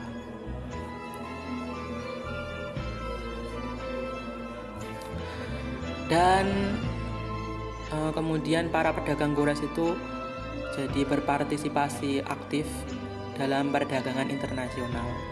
Sebagian dengan karavan besar ke Mesir, Suriah, Irak, Yaman, dan Abyssinia. Dan juga kalau kita melihat bukunya Fred M. Donner, Muhammad dan Umat Beriman Asal Usul Islam, jadi sudah diterjemahkan di halaman 41 itu, dia menyebutkan di samping itu juga ada sejumlah bazar-bazar yang muncul musiman. Jadi ada bazar-bazar yang muncul di event-event tertentu seperti pasar Ukas di dekat kota Mekah. Kalau saya lihat pas awal dengar nama pasar Ukas itu jadi ingat Sayyidina Umar, Sayyidina Umar, Umar bin Khattab itu dia jagoannya gulat. Jadi setiap momen tertentu itu ada kegiatan gulat, pertandingan gulat, lomba gulat di pasar Ukas. Dan Umar selalu menang untuk jadi juaranya sampai Nabi Alaihissalam muncul mengalahkan Umar. Sepanjang tahun itu terus melakukan transaksi perdagangan. Jadi di pasar Ukas itu uh, selalu ramai. Bahkan beberapa sumber sejarah menyebutkan bahwa pasar Ukas itu adalah pusat komoditi barang-barang mahal dari Afrika Timur, India dan Yaman. Seperti kalau kita lihat itu contohnya seperti gading gajah, logam mulia dan hasil tambang. Kemudian budak-budak juga dan rempah-rempah ataupun makanan-makanan pokok. itu semua tak lepas dari apa yang dilakukan oleh Hashim pendekatan inovatifnya itu dalam hal bisnis itu telah mentransformasikan pengalaman panjang suku Quraisy dalam organisasi karavan dan manajemen usaha bersama yang membentuk jaringan di sepanjang Jazirah Arab. Hashim telah menginisiasi skema partisipasi modal bersama antar pedagang Mekah. Jadi pantas kalau Hashim itu disebut uh, sebagai bapak pembangun bukan bapak pembangun ya. Dia yang pertama kali mencetuskan untuk uh, bagaimana mengorganis mengorganisir kegiatan dagang bukan cuma di Mekah tapi juga ke hubungan ke luar negeri baik ke Yaman ataupun ke Romawi. Yang digunakan itu skema saham kalau bahasa sekarangnya. Jadi memungkinkan kalau banyak pedagang itu untuk menyatukan modal mereka dan membentuk satu karavan besar yang menyediakan keamanan bagi investor kecil dan memobilisasi mobil pedagang modal pedagang Mekah dan jalur perdagangan Asia Barat. Jadi mereka ada membuat sebuah kongsi di mana kalau ada Eh, para pedagang-pedagang kecil yang tentunya mereka tuh tidak bisa kalau disuruh pergi ke Yaman atau ke Syam, Syam. Karena kan perjalanannya perjalanan jauh. Akhirnya dibuat sebuah kongsi ditunjuk satu orang yang di situ dia memegang modal-modal atau apa itu hal-hal yang ingin dijual oleh pedagang-pedagang kecil dititipkan kita tahu kalau di zamannya Nabi itu Abu Sofyan itu salah satu makelarnya dia. Ya yang menjalankan bisnis apa itu uh, bisnis ya katakanlah titip barang seperti itu. Tambah lagi juga kesepakatan antara suku Quraisy dengan kepala suku yang tinggal di sepanjang rute perdagangan yang berasal dari Mekah. Jadi sebagai imbalan untuk perjalanan yang aman dan perlindungan perlindungan yang dilakukan oleh suku-suku kecil itu uh, Quraisy itu berjanji untuk membawa dan menjual produk sukunya seperti kulit, ternak, logam yang ditambah di pegun yang ditambang di pegunungan setempat di pasar yang mereka kunjungi. Jadi hubungan timbal baliknya orang-orang suku-suku kecil itu memberikan perlindungan oh, jadi uh, itu menawar, menawarkan uh, barang-barang yang tidak bisa mereka dapatkan kecuali melakukan perjalanan jauh jadi simbiosis hmm, katakanlah simbiosis simbiosis mutualisme pemimpin kafilah dagang itu kemudian akan mengembalikan investasi dan keuntungan kepada pemimpin suku itu jadi hasil penting dari perjanjian yang dilakukan oleh Hashim itu atau Quraisy adalah terjadinya semacam integrasi ekonomi atau penyatuan ekonomi suku yang meningkatkan pengaruh dan prestise kaum Quraisy di antara suku-suku di semenanjung Arab.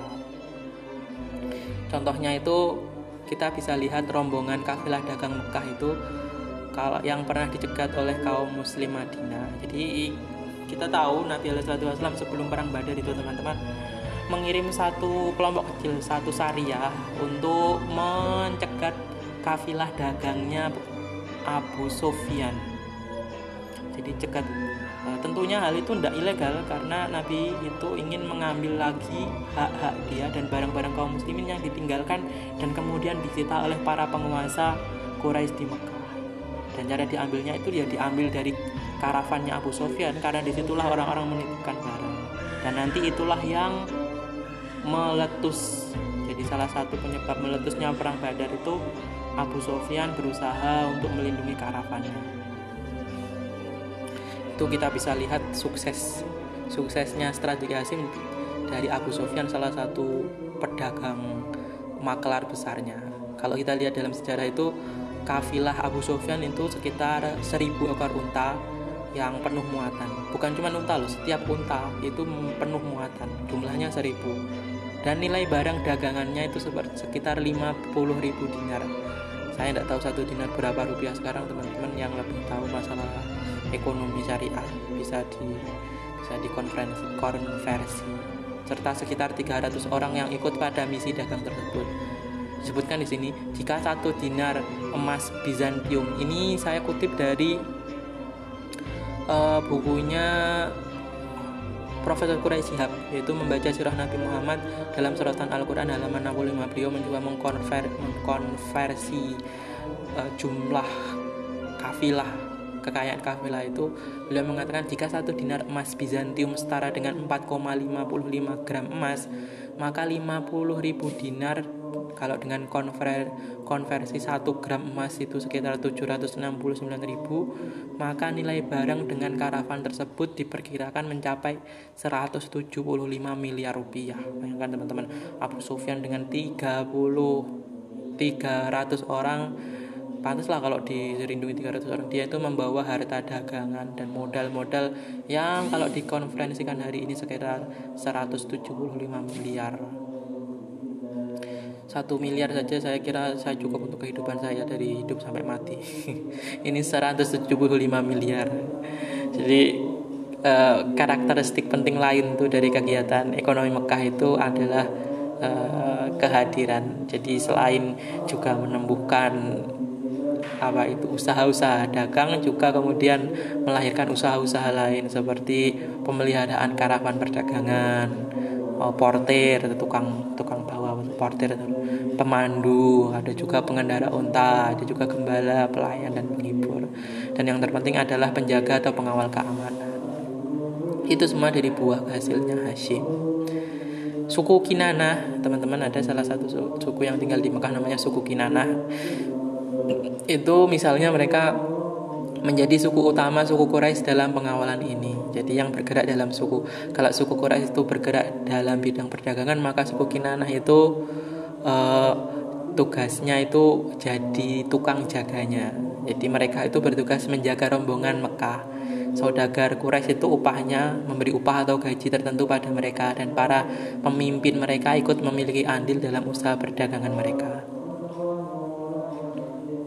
Uh, dengan kegiatan itu akhirnya Mekah itu mereka bisa menjadi memiliki banyak penghasilan. Penduduk-penduduk Mekah itu memiliki banyak penghasilan dan memastikan setiap orang Mekah itu hidup dalam kemakmuran. Biasanya teman-teman dengan kekayaan yang banyak seperti itu ya muncullah orang-orang kaya. Orang-orang yang gaya hidupnya itu parlente mereka itu memiliki rumah-rumah mewah dan hidup yang bermegah-megah. Eh seperti Abu Sofyan itu. Maklar kita kan kalau maklar itu kan banyak. Kayak kalau yang kalau pedagang kecil ya mungkin keuntungannya tidak seberapa. Seperti contohnya uh, jadi Profesor Quraisy Shihab itu menyebutkan ada salah satu tokoh namanya Abdullah bin Jadan Al Timi itu disebutkan konon katanya. Dia itu minum dari gelas yang terbuat dari emas jadi kekayaan yang dinikmati sejumlah eh, elit Mekah itu menciptakan suatu pola hidup masyarakat yang menjadikan mereka lebih banyak meluangkan waktu untuk menikmati syair dan puisi. Jadi karena saking kayanya apalagi yang maklar-maklar elit-elitnya tokoh Mekah itu ya karena mereka tidak setiap hari pergi karavan ya akhirnya nganggur dan kegiatan nganggurnya sebagaimana orang Arab kita tahu digunakan untuk menikmati syair bersair syair berpuisi berpuisi dan apakah juga tari perut? Karena saya li pernah lihat uh, salah satu tele apa itu kalau tidak salah judulnya Khazana di Trans TV itu disebutkan saat itu Abu Sofyan dengan menikmati itu melihat wanita-wanita yang perutnya terbuka kemudian joget-joget. Tapi tidak disebutkan oleh Profesor Quraisy Jadi dinamika perdagangan Mekah itu mulai mengalami struktur sosial ketika serangkaian hubungan sosial yang lebih kompleks berdasarkan kepentingan modal pedagang mulai muncul. Jadi dengan sisi baiknya Mekah mulai menjadi pusat perdagangan, tapi di sisi buruk sisi lainnya juga memunculkan namanya kesenjangan sosial yang pedagang modal yang apa itu yang jadi maklar itu ya kaya, pedagang kaya secara bertahap itu ya mereka membentuk kelompok dengan kepentingan bersama sebagai pemilik modal. Jadi orang-orang yang sama-sama punya modal itu ya mereka berkelompok, saling berkongsi. Akhirnya membentuk strata-strata masyarakat. Jadi melalui mereka kaya, mereka jadi parlente, mereka hanya mau hidup dengan orang yang anu, mereka yang setara, mereka juga ikut apa itu membangun kerjasama. Akhirnya secara tidak langsung di situ terciptalah strata sosial yang atas strata teratas masyarakat. Jadi kalau ada status sosial strat, status sosial terendah itu adalah budak dan keturunan mereka. Jadi kita tahu ya saat itu tetap budaya perbudakan ada karena memang salah satu barang dagangnya budak baik yang berasal dari Arab maupun non-Arab. Akhirnya secara sosial masyarakat Mekah terpolarisasi menjadi kaya dan miskin. Itu sisi lain dari kegiatan perdagangan dan hal-hal yang berkaitan dengan modal-modal maklar-maklar oleh kegiatan e, masyarakat Mekah. Meskipun demikian berbeda dengan sejumlah taipan atau maklar yang berupaya memonopoli aktivitas perdagangan di Mekah. Klan Hashim dikenal sebagai pedagang yang dermawan dan cenderung pada perdamaian. Ya, jadi meskipun ketika itu muncul banyak golongan parlente, banyak golongan yang kemudian menjadi kelompok strata atas masyarakat dan berbuat semena pada pada yang bawah.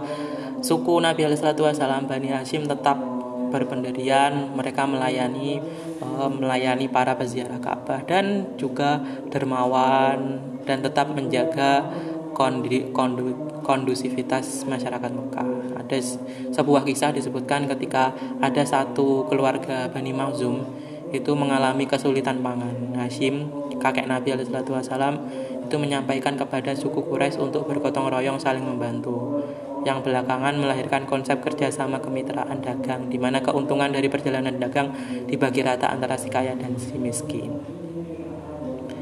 Secara umum, anak-anak Abdul Muthalib kakek Nabi Wasallam itu tidak kaya raya seperti halnya para maklar-maklar Mekah, para taipan-taipan Mekah dan tokoh-tokoh tenar masyarakat Quraisy saat itu. Namun mereka tetap hidup berkecukupan dan mereka tetap menjaga uh, sikap kaya hati. Jadi meskipun kalau dibandingkan dengan apa itu para taipan yang lain keluarga Nabi Wasallam, keluarga pohon Nabi Wasallam dari Hashim itu ya mereka tidak miskin sih mereka hidupnya berkecukupan dan mereka juga tidak berbeda tidak merasa diri strata golongan atas serta menjadikan Quraisy dan Hashim itu uh, sebag, serta menjadikan Kusai kakek Nabi dan Hashim sebagai teladan. Jadi mereka menjadikan Hashim dan Kusai itu sebagai tokoh panutan yang ketika itu banyak orang berhidup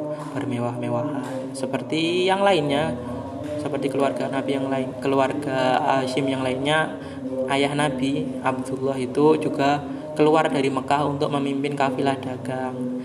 Dalam perjalanan pulangnya itu dari Gaza menuju Mekah Abdullah Sayyidina Abdullah itu sakit dan di Madinah sakit di Madinah dan akhirnya juga meninggal di Madinah ayah Nabi itu meninggal tanpa meninggalkan harta yang berlimpah pada keluarganya.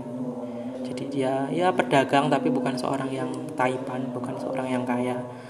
Tapi dari generasi klan Bani Hashim itu meskipun mereka tidak kaya, mereka menjadi pemimpin dan tokoh yang dihormati di tengah-tengah kaumnya. Jadi kita kadang ada lihat orang ya di sekitar kita orang hidupnya biasa saja, tapi orang orang-orang di sekitarnya dia apa itu hormat kepada dia, menjaga harga diri kepada dia itu bentuk lain dari uh, sikap kita yang selalu berusaha meneladani sifat-sifat baik untuk diterapkan di kehidupan masyarakat. Saya kira itu dulu uh, pembahasan kita mengenai etos dagang saudagar Quraisy. Jadi kesimpulannya uh, beberapa kesimpulan yang saya mungkin bisa sampaikan lagi leluhur Rasulullah namanya Hashim bin Abdul Manaf bin Kusa itu menjalin aliansi dengan suku-suku yang jauh agar karavan-karavan Mekah dapat melintasi daerah-daerah dan mengunjungi pasar-pasar baru. Olehnya jalur perdagangan global menjadi terbuka. Jadi kakek Nabi yang namanya Hashim itu beliau menjadi inisiator kegiatan perdagangan dan kegiatan-kegiatan lain yang menunjang perdagangan global masyarakat Mekah dan juga ketika perdagangan itu mulai kondusif kemudian menciptakan banyak orang-orang yang memiliki modal besar atau menjadi menguasai eh, modal-modal kecil para pedagang-pedagang yang sederhana menjadi mereka orang yang hidupnya bermewah-mewahan dan sebagian merasa sombong dengan gaya hidup yang parlente. Itu kan tapi keluarga Nabi Wasallam sebagai yang mana yang dijanjikan oleh Allah mereka tetap keluarga yang menerapkan sifat-sifat uh, yang terpuji dan akhirnya membuahkan seorang yang menjadi panutan hingga akhir zaman yaitu Sayyidina Maulana Muhammad ibn Abdullah sallallahu alaihi wasallam. Terima kasih. Selamat berjumpa di segmen berikutnya tentang masih tentang sejarah Nabi Muhammad. Kita akan membahas tentang keimanan leluhur Nabi alaihissalatu wassalam yang sekarang sebagian orang mengatakan banyak orang sekarang yang sebenarnya tidak tahu mereka itu gimana mikirnya mengatakan orang tua Nabi dan keluarganya itu masyarakat yang menyembah berhala. Nauzubillah. Semoga kita terjauh dari seperti itu. Ya kita akan bahas di pertemuan berikutnya. Kita nggak akan membahas sesuatu yang menimbulkan kontroversi yang teman-teman. Apakah halal ini haram ini kafir atau tidak. Tapi kita mencoba melihat dari sudut pandang yang objektif yaitu sudut pandang sejarah. Sampai jumpa di pertemuan berikutnya. Tetap jaga kesehatan. Tetap tetap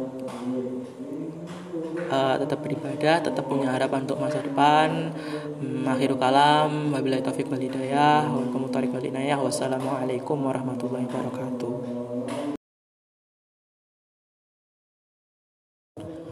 Assalamualaikum warahmatullahi wabarakatuh. Bismillah, alhamdulillah. Allahumma sholli ala Muhammad wa ala ali sayyidina Muhammad. Selamat malam teman-teman. Kali ini kita akan meneruskan salah satu tema kita yaitu tentang salah satu episode kita sejarah Nabi Muhammad Shallallahu Alaihi Wasallam. Dan pada segmen ke 6 5 atau 6 kita buat 6 saja. Kita akan bahas tentang keima, keimanan leluhur Nabi suci Nabi suci Nabi Muhammad Shallallahu Alaihi Wasallam. Saya berangkat dari pengalaman pernah melihat sebuah video tentang seorang yang dikatakan ustadz. Ketika ada sebuah pertanyaan saya tidak tahu yang salah pertanyaannya yang tanya atau si ustadznya. Ketika ditanya e, ustadz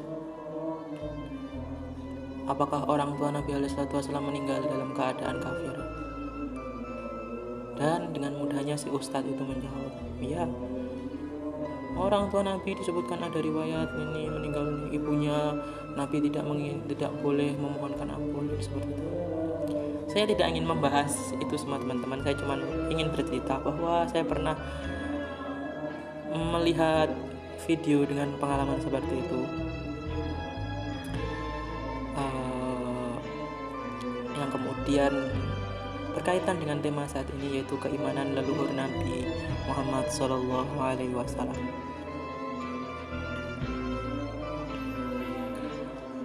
Dalam sebuah hadis Nabi bersabda bahwa Rasulullah Shallallahu Alaihi Wasallam bersabda, Aku selalu berpindah-pindah dari tulang sulbi laki-laki yang suci dan ke dalam rahim-rahim wanita yang suci pula. Menunjukkan dari sini kita bisa mengambil bahwasannya Nabi Wasallam tidak pernah tersinggah di sulbi ataupun rahim yang tidak diridhai dalam agama Islam atau dalam syariat Allah Jalla wa'ala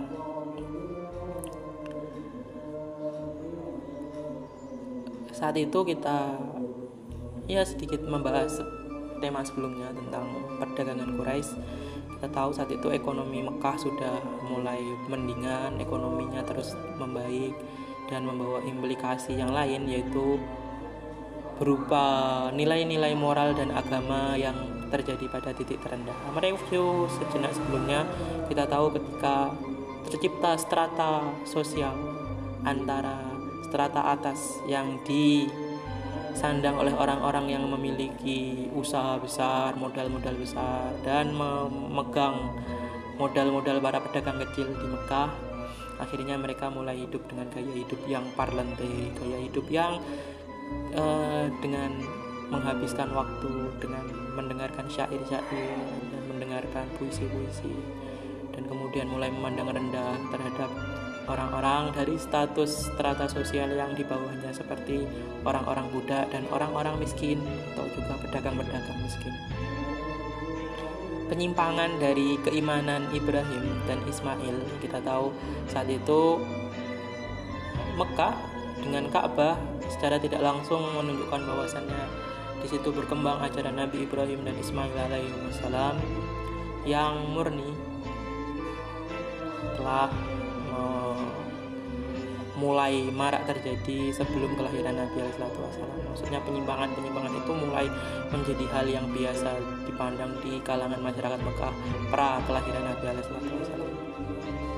Kemakmuran masyarakat itu seakan memanjakan semua jenis sifat buruk dengan keadaan ekonomi yang seperti itu dengan status sosial yang terbagi kesenjangan sosial yang tinggi seakan-akan menunjang seperti pemujaan berhala perjudian, hal-hal yang ini seperti riba, pembunuhan, pesta miras, dan segala jenis hiburan lainnya menjadi sebuah kelaziman. Kita tahu semua hal ini adalah hal yang dilarang bahkan sebelum Nabi Wasallam datang. Dalam agama Ab Abraham pun dilarang, dan agama Abraham itu juga agama Islam.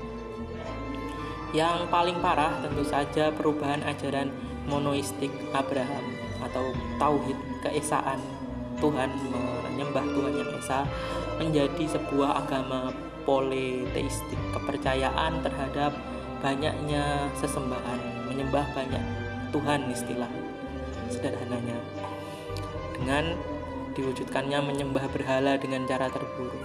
Jadi meskipun ibadah haji di Ka'bah tetap dilakukan semenjak Nabi Ibrahim istilahnya mencontohkan mendeklarasikan sejak awal akan tetapi mulai terasa perubahan-perubahan yang kemudian yang sebelumnya hanya terjadi di lingkungan kehidupan juga mulai masuk ke dalam kepercayaan religius.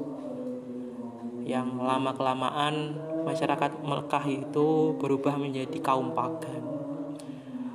Seperti disebutkan dalam catatan sejarah oleh O Hashim Muhammad sang nabi penelurusan sejarah Nabi Muhammad secara detail cetakan terbitan tahun 2006 disebutkan bahwa ada kurang lebih sekitar 360 berhala di sekitar Ka'bah dan juga di samping itu juga ada uh, lukisan Maria dan Yesus di dinding Ka'bah. Jadi beliau menyebutkan selain juga ada berhala, orang-orang Nasrani juga menempel di situ. Tidak disebutkan apakah itu orang Nasrani atau orang Mekah yang tidak tahu dengan itu. Akhirnya para peziarah yang berhaji ke Mekah itu teman-teman mulai mengambil batu-batu di sekitar Ka'bah dan membawa pulang sebagai bahan untuk membangun Ka'bahnya sendiri di daerah asalnya sehingga banyak saat itu muncul Ka'bah-Ka'bah tiruan di Jazirah Arab berhala juga ada di mana-mana di setiap suku. Seakan-akan setiap suku mereka punya berhalanya sendiri punya sesembahan pemujaannya sendiri-sendiri.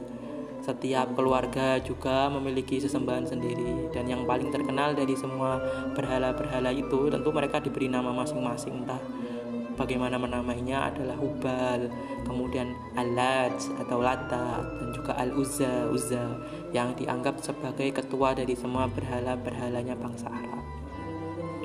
Kemudian muncul pertanyaan siapa yang memulai hal semacam itu? Siapa yang mulai meletakkan berhala di Ka'bah dan sekitarnya?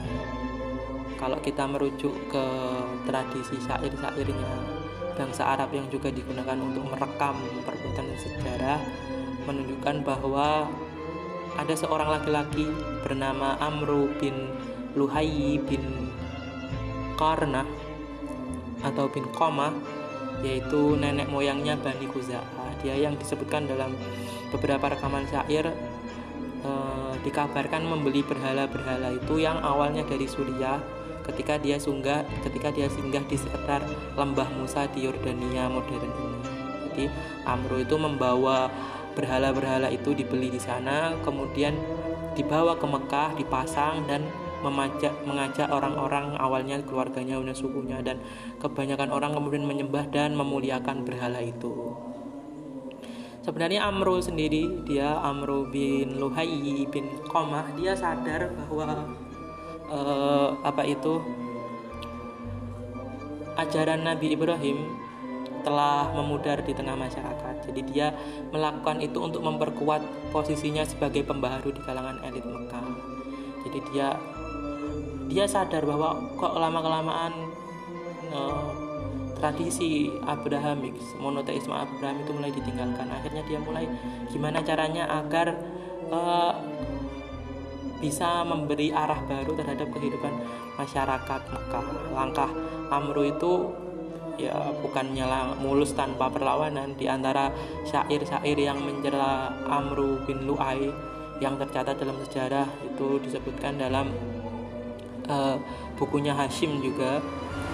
Uh, dia menyebutkan bahwa Hai Amru kata syair-syair tersebut Hai Amru kaulah pelopor pengada dewa-dewa menebarkan patung sekitar Ka'bah sedang pemilik Ka'bah selalu yang esa dan engkau mengubah Ka'bah jadi milik berhala itu salah satu um, apa itu syair yang mengecam perbuatan Amru bin Lu'ai syair tersebut bisa dijadikan bukti bahwa terdapat sejumlah orang di sekitar Ka'bah yang masih mengikuti milah Nabi Ibrahim dan Ismail yang dikenal sebagai kelompok Hanifiyah. Jadi saya ingat ada hadis di Sahih Bukhari ketika saya dulu masih menghafal hadis ada ketika Nabi Wasallam pulang dari Gua Hiro dalam keadaan menggigil ketakutan kemudian dia pergi ke uh, istrinya Siti Khadijah radhiyallahu an beliau ketakutan mengatakan zamiluni zamiluni wahai Khadijah selimuti aku selimuti aku. Sambil menggigil akhirnya Khadijah sebagai seorang yang umurnya lebih dari Nabi Wasallam beliau menenangkan Nabi dan mengatakan Nabi ya wahai, suamiku kau jangan takut. Kau tuh orang baik. Kau memberi makan orang-orang yang kelaparan memberi perlindungan kepada mereka yang butuh perlindungan dan membela orang-orang yang lemah. Kau juga tidak pernah berbuat tercela. Kau jangan jangan takut. Jadi menenangkan Nabi Wasallam dan juga uh, Khadijah ini memanggil sepupunya. Namanya Warokoh bin Naufal Warokoh ini juga disebutkan kelompok Hanifiyah. Saya cerita sedikit.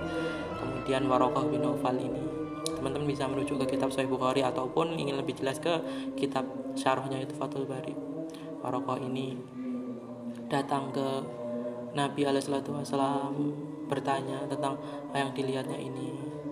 Kata Warokoh kemudian demi Allah wallahi uh, apa yang datang kepadamu wahai Muhammad itu juga yang datang kepada Musa. Maksudnya yang datang kepadamu adalah apa juga yang membenarkan kemanabian kepada Musa. Kata Warokoh seandainya aku masih hidup nanti ketika kau diusir ke oleh orang-orang Quraisy aku akan selalu membelamu.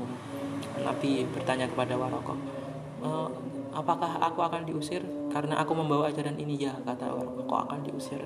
Dan aku harap saat itu aku dapat membelamu dan dalam sejarah disebutkan di akhir hadis disebutkan Warokoh meninggal tak lama setelah peristiwa itu.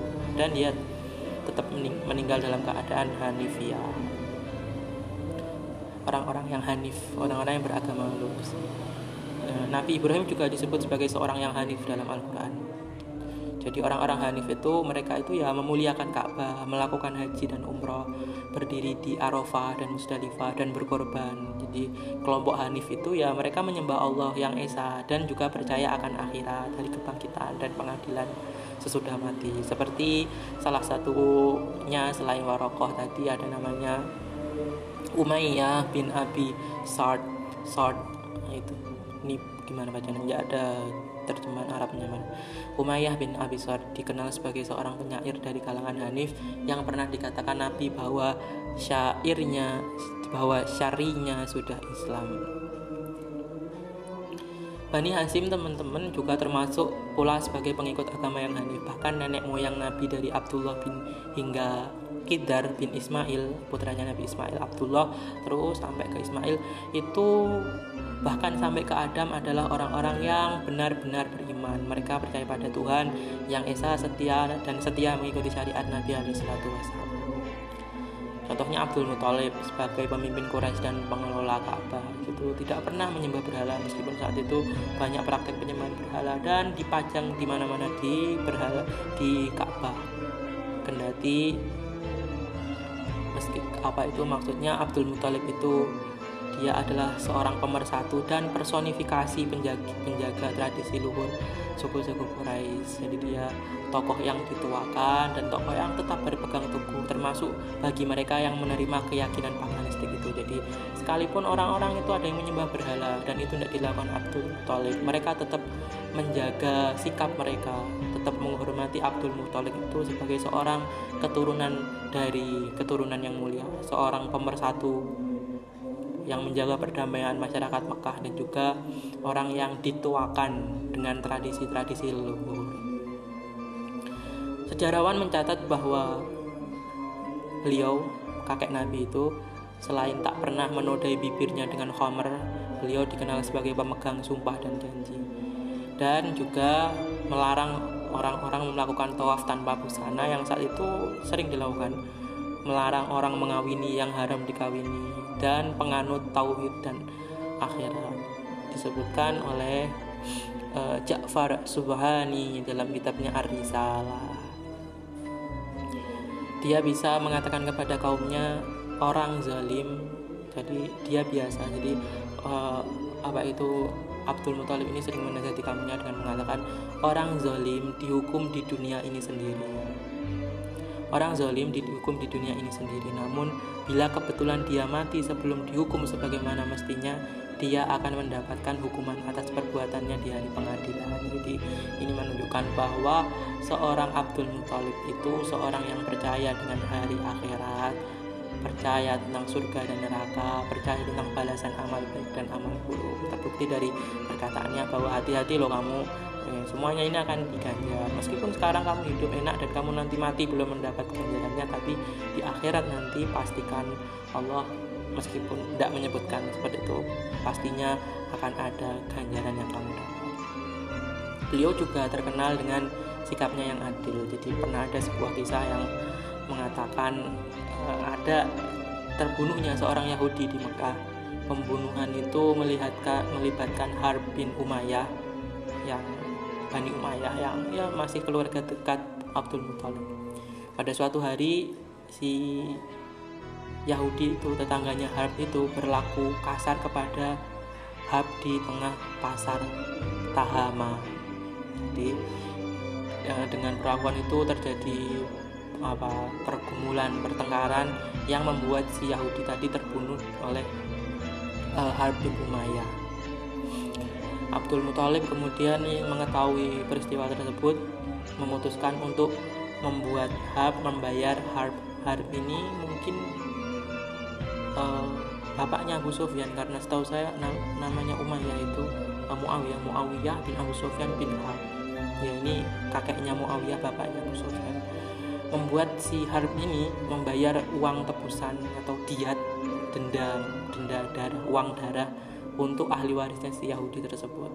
Dia, dia menjadi pemimpin Quraisy yang berpihak kepada kelompok lemah. Jadi dia tidak memandang apakah dia itu teman saudara dekatnya, kerabat dekatnya yang saat itu terkenal orang Arab mengutamakan orang-orang dekat keluarganya. Kan tapi bagi Abdul Muthalib tidak. Dia tetap menilai sesuatu berdasarkan mana yang benar dan mana yang buruk. Demikian dari kita lihat kisah-kisah tersebut silsilah Nabi Alaihissalam termasuk sekelompok kecil orang-orang yang tetap berpegang pada monoteisme Abraham, Ibrahim yang tidak pernah menyembah berhala dan pengikut setia milah Nabi Ibrahim yang hanif. Hingga Rasulullah pernah bersabda aku selalu berpindah-pindah dari tulang sulbi laki-laki yang suci dan ke dalam rahim-rahim wanita yang suci pula beberapa referensi yang saya uh, cantumkan seperti Hashim kemudian uh, Profesor Quraisy Shihab dalam bukunya membaca sirah Nabi Muhammad juga Muhammad Syekh Syed Muhammad Said Ramadan Al-Buti. Dalam bukunya uh, analisis ilmiah manhajiyah sejarah pergerakan Islam di masa Rasulullah. Dan juga kemudian Martin Lins Muhammad kisah hidup Nabi berdasarkan sumber klasik. Kemudian Ja'far Subhani Ar-Risalah Nabi Muhammad Tuh teman-teman pada segmen berikutnya kita akan melanjutkan uh, seri kita yang mengisahkan tentang ayah Nabi alaihissalatu wassalam yang dikenal sebagai seorang yang hampir seorang yang uh, Nabi itu kadang disebut sebagai seorang yang hampir dibunuh. Putra dari dua orang yang hampir dibunuh merujuk pada Ismail dan Abdullah. Bagaimana kisahnya? Kita tunggu di segmen berikutnya. Terima kasih. Tetap semangat. Tetap punya harapan. Terima kasih. Wassalamualaikum warahmatullahi wabarakatuh.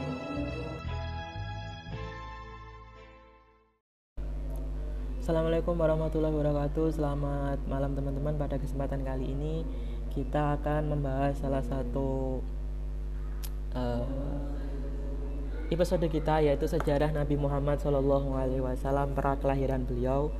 Dan kita sampai ke episode 8 7 atau 8 pada kesempatan kali ini kita akan membahas bagaimana sejarah singkat tentang hilangnya dan ditemukannya kembali sumur air zam-zam dan sejarah gelar Nabi Alaihissalam yaitu putra dari dua korban. Kita tahu teman-teman sumur air zam-zam itu adalah sumur yang dianugerahkan oleh Allah Subhanahu wa taala kepada umat Islam melalui kemuliaan Nabi Ismail dan Siti Hajar yang menemukan yang menemukan mata air tersebut. Dan sampai suatu waktu kita tahu Nabi Ismail itu hidup berdampingan dengan Bani atau suku Jurhum yaitu suku yang dia tinggal di perbukitan da daerah di dekat uh, sumber mata air Zam-Zam. Dan ketika ditemukannya sumber Zam-Zam itu suku Jurhum itu meminta izin kepada Nabi Ismail dan Siti Hajar untuk hidup berdampingan. Akhirnya diizinkan. Dan keduanya itu menjalin hubungan karena tinggal di satu tempat meskipun kultur budayanya berbeda Nabi Ismail dan Siti Hajar itu kan dari Palestina atau asalnya kalau Nabi Ibrahim itu dari Babilonia sedangkan suku Jurhum itu awalnya dari Yaman dan menikahlah Nabi Ismail dengan putri dari salah satu ketua suku Jurhum punya anak punya keturunan yang kemudian meneruskan kepemimpinan uh, suku Jurhum dan uh, para penduduk yang tinggal di sekitaran Zamzam. Hingga suatu waktu Mekah itu teman-teman dipimpin oleh salah satu penerusnya yang bernama uh, Madoh bin Amru Al-Jurhumi. Ini dalam bukunya Profesor uh, Ali Husni Al-Kharbutli yaitu Sejarah Ka'bah atau Sirah Ka'bah. Ketika dipimpin oleh Mahdoh Al-Jurhumi ini sempat Mekah itu diserang oleh suku lain yaitu suku Kuza'ah yang jumlahnya besar dan angkatan perangnya itu tidak eh, bisa dikalahkan oleh Mekah yang saat itu di bawah standar lah. Pokoknya bukan lawannya. Akhirnya untuk menyiasati itu semua Maullah bin Amru itu lebih memilih untuk lari ke Yaman bahkan sebelum perang terjadi. Jadi sebelum perang itu untuk menyiasati agar barang paling berharga dari penduduk Mekah yaitu sumur air zam-zam. Tidak diambil alih karena saat itu kita tahu sumber kehidupan di gurun itu kan dari apa itu dari uh, adanya sumber air. Nah agar menyiasati agar tidak jatuh oleh di tangan para penyerangnya Mahdoh bin Amru al-Jurhumi ini menimbun sumur zam-zam tersebut dan beserta harta-harta beliau. Dan sejak saat itu tidak ada orang yang menemukan di mana uh, di mana letak sumur zam-zam itu aslinya. Dan to make story short, sampailah kepemimpinan itu di tangannya Abdul Muthalib yaitu kakek Nabi Wasallam menjadi pemimpin di Mekah.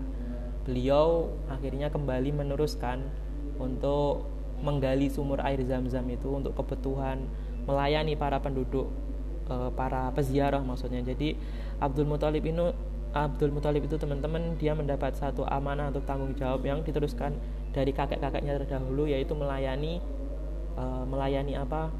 Para peziarah melayani minum para peziarah. Dan saat itu karena kebutuhan semakin melu semakin banyak para peziarah semakin banyak Abdul Muthalib itu dia sebelumnya mengumpulkan mata air dari berbagai sumber. Jadi dibawa kemudian ditampung dan itu sangat melelahkan akhirnya beliau menyiasati itu semua dengan memutuskan untuk menggali sumber air zam-zam nah, akan tetapi sayangnya tidak ada informasi pasti mengenai di mana atau tempatnya posisi sumur zam-zam tersebut. Akhirnya ketika tengah menggali zam-zam mencari bersama salah satu anak laki yang dia miliki. Jadi Abdul Muthalib punya salah seorang bukan salah satu ya, cuman itu anak semata wayangnya yang setia sama Abdul Muthalib yaitu Al Haris. Al Haris itu membantu Abdul Muthalib yang saat itu begitu kepayahan, begitu lemah.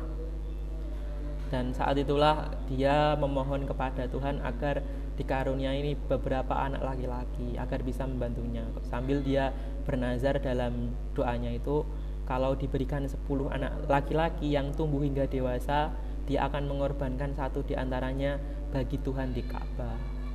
Di sini kita bisa melihat bahwasannya uh, Abdul Muthalib adalah seorang yang uh, menganut monotheism sebagaimana di segmen sebelumnya kita menyebut bahwa leluhur Nabi Alaihissalam itu semuanya mereka orang-orang Hanif. Dengan bantuan putranya itu to make story short setelah menggali banyak lubang akhirnya Abdul Muthalib itu menemukan lokasi yang tepat dari sumur Zam-Zam. Abdul Muthalib kemudian karena bahagia dia berseru Allahu Akbar. Penggalian sumur Zam-Zam ini adalah pintu masuk kejayaan Jazirah Arabia sekaligus ketenaran Abdul Muthalib sebagai penyedia air minum bagi jemaah haji. Di dalam sumur air itu tersimpan dua, pa, dua patung rusa yang terbuat dari emas. Itu disebutkan dalam uh, bukunya uh, sama bukunya Al Husni Al Kharab Al yaitu sejarah Ka'bah terbitan 2015 jadi apa itu? Di tempat di mana ditemukannya sumur zam-zam itu juga tersimpan dua patung rusa yang terbuat dari emas, pedang-pedang, dan baju besi, yaitu e, hasil dari e, sebenarnya ini kan barangnya tadi mahdhah al-jurhumi tadi. Dan diperkirakan suku Jurhum menimbun barang-barang tersebut di dalam sumur zam-zam sebelum melarikan diri ke Yaman ya setelah penemuan sumur zam-zam bersama barang-barang itu justru kemudian terjadi permasalahan terjadi polemik.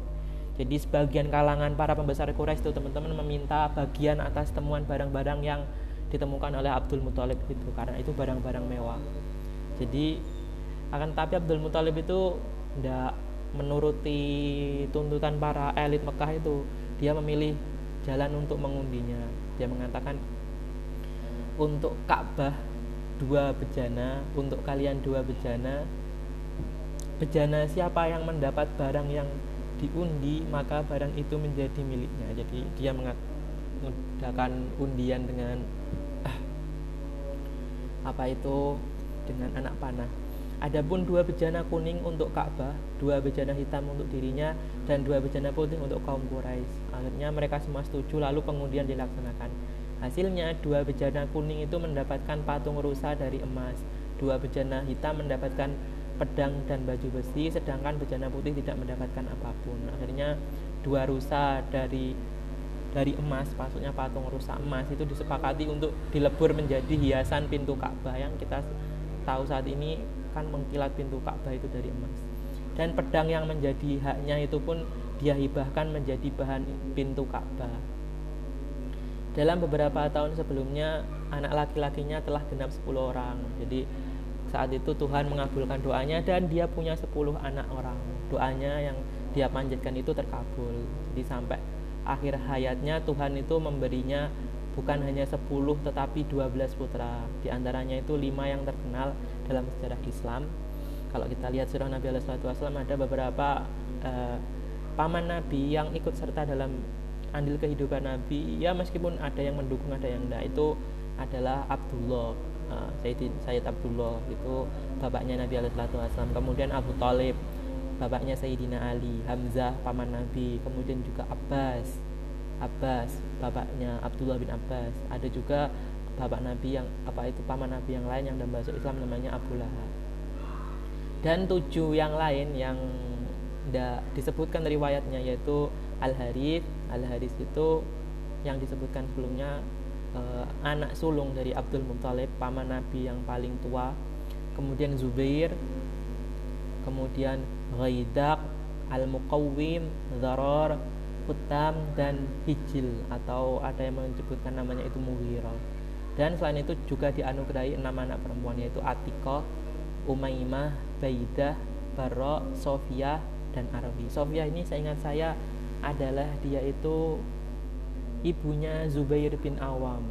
Jadi Zubair bin Awam itu uh, salah satu uh, sahabat Nabi yang Nabi memuji beliau dengan mengatakan bahwa uh, sesungguhnya semua Nabi itu punya hawari dan hawariku adalah Zubair bin Awam. Hawari itu semacam pelindung. Dan dia itu anaknya Sofia bibi Nabi. Jadi Zubair bin Awam itu keponakan Nabi dari bibi beliau Sofia dan sesuai dengan janji dan atau nazar yang diucapkan Abdul Muthalib maka tiba saatnya untuk menunaikan nazar tersebut. Beliau ya sebenarnya sebagai seorang ayah itu ya sangat berat untuk menentukan siapa di antara putranya yang akan dikorbankan. Karena ya sebagai seorang bapak eh, anak-anak tersebut itu bagaimanapun anak-anak yang diminta oleh Abdul Muthalib. Termasuk di antaranya yang paling bungsu yaitu ayah Nabi Abdullah. Jadi kita ndak ndak apa namanya ndak heran kenapa Nabi Alaihissalam disayang oleh paman-paman beliau. Hatta seperti Abu Lahab sangat mencintai Nabi dulu ketika Nabi Alaihissalam kecil karena ayah Nabi itu adik bungsu mereka. Abdullah itu anak bungsunya Abdul Muttalib dan kepada seluruh anaknya itu dia berujar kini eh, kalian telah genap 10 maka aku berniat menepati janji dan nazarku dan semua anaknya itu sepakat sebagaimana yang diceritakan oleh Abdul Hamid Judda As-Sahar dalam bukunya Sejarah Nabi Muhammad eh, terbitan Mizan tahun 2000 beliau semua anaknya itu sepakat dan menjawab tepatilah nazarmu wahai ayah. Jadi akhirnya diadakanlah upacara penarikan undian dan pada saat itu orang Arab itu teman-teman biasa mengundi dengan kidah. Kidah itu apa ya sebilah kayu yang dibuat sama bentuk dan panjang. Jadi yang saya sebutkan tadi. Jadi tadi itu sebenarnya mereka mengundi dengan bejana. Saya salah mengatakan. Yang diundi dengan semacam anak panah ini namanya kidah ini. Jadi kidah itu sebilah kayu yang dibuat sama bentuk dan panjang lalu ditulisi kerjakan dan jangan kerjakan. Jadi kayak kalau sekarang itu uh, sendok apa bukan uh, kayu bekas es krim itu ditulisi satu kerjakan dan yang lain jangan kerjakan setelah anak-anaknya menulis namanya masing-masing pada kidah hasil undian korban jatuh pada uh, ayah Nabi Wasallam yaitu Sayyid Abdullah. Suasana pun menjadi hening dan dan tidak menyangka karena yang paling disayang itu ya yang ter, paling bungsu yaitu Abdullah itu. Termasuk Abdul Muthalib sendiri dia sangat uh, kaget. Dan akhirnya sejarah pun terulang. Sejarah yang pernah terjadi pada Nabi Ibrahim. Seperti halnya yang terjadi pada Nabi Ibrahim Abdul Muthalib itu tegar dan segera memegang tangan eh, tangannya Abdullah menuju tempat pengorbanan Abdullah sebagai seorang anak yang patuh kepada ayahnya ya menerima dengan dengan legowo keputusan untuk menunaikan nazar sang ayah.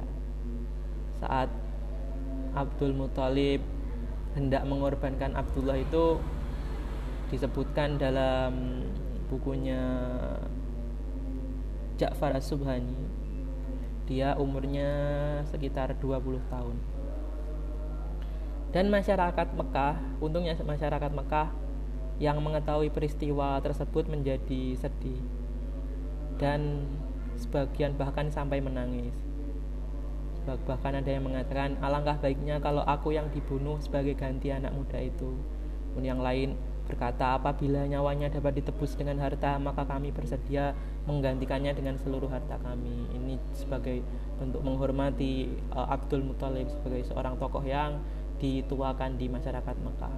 Akhirnya menghadapi kondisi, kondisi tersebut Abdul Muthalib itu disarankan untuk mengundi mengundi kembali antara Abdullah dengan harga diat. Jadi diat itu apa ya? Uang darah. Kalau di Arab itu kalau seorang membunuh itu ya balasannya dibunuh akan tetapi ada uh, apa semacam ganti dari kalau dia bersedia dibunuh pilihan lain kalau dia tidak bersedia dibunuh pilihan lain itu dia membayarkan diat yaitu uang darah sebagai ganti e, korban yang telah dibunuh kepada keluarga atau ahli warisnya si korban. Itu pun kalau kalau dalam hukum itu pun kalau si diatnya kalau si ahli warisnya mau. Dan saat itu harga diat itu setara dengan 10 ekor unta. Pada undian pertama nama Abdullah masih keluar dan kini jumlah unta itu naik menjadi 20 jadi berlipat. Setiap diundi gagal diundi lagi gagal lagi dan berlipat 10 10 10 terus. Jadi setiap kali undian itu jatuh kepada Abdullah jumlah unta bertambah 10 lagi. Hingga undian eh, yang ke 10 barulah hasil undian jatuh pada unta. Di sini akhirnya Abdul Muthalib itu lega dengan 100 ekor unta itu sebagai tebusannya Abdullah. Dia langsung menyembeli 100 unta itu dan menjadi rebutan orang-orang dusun sekitar Mekah. Ketika mendengar uh, peristiwa tersebut banyak para fakir dan ya bukan fakir saja pokoknya orang-orang yang tinggal di pinggiran uh, Mekah itu semuanya meminta apa itu meminta uh, bagian. Itu ada dalam bukunya Said Muhammad Baghdadi. Dan terhadap peristiwa itulah Nabi Alaihissalam pernah bersabda bahwa aku adalah putra kedua tokoh yang nyaris disembelih. Maksud maksudnya e, kakek beliau Nabi Ismail alaihissalam dan ayah beliau Abdullah. Begitu singkat ceritanya Nabi alaihissalam dan terima kasih teman-teman pada pertemuan selanjutnya kita akan membahas tentang peristiwa penting di tahun kelahiran Nabi atau sebut tahun gajah. Terima kasih. Tetap semangat. Tetap punya harapan. Uh, wassalamualaikum warahmatullahi wabarakatuh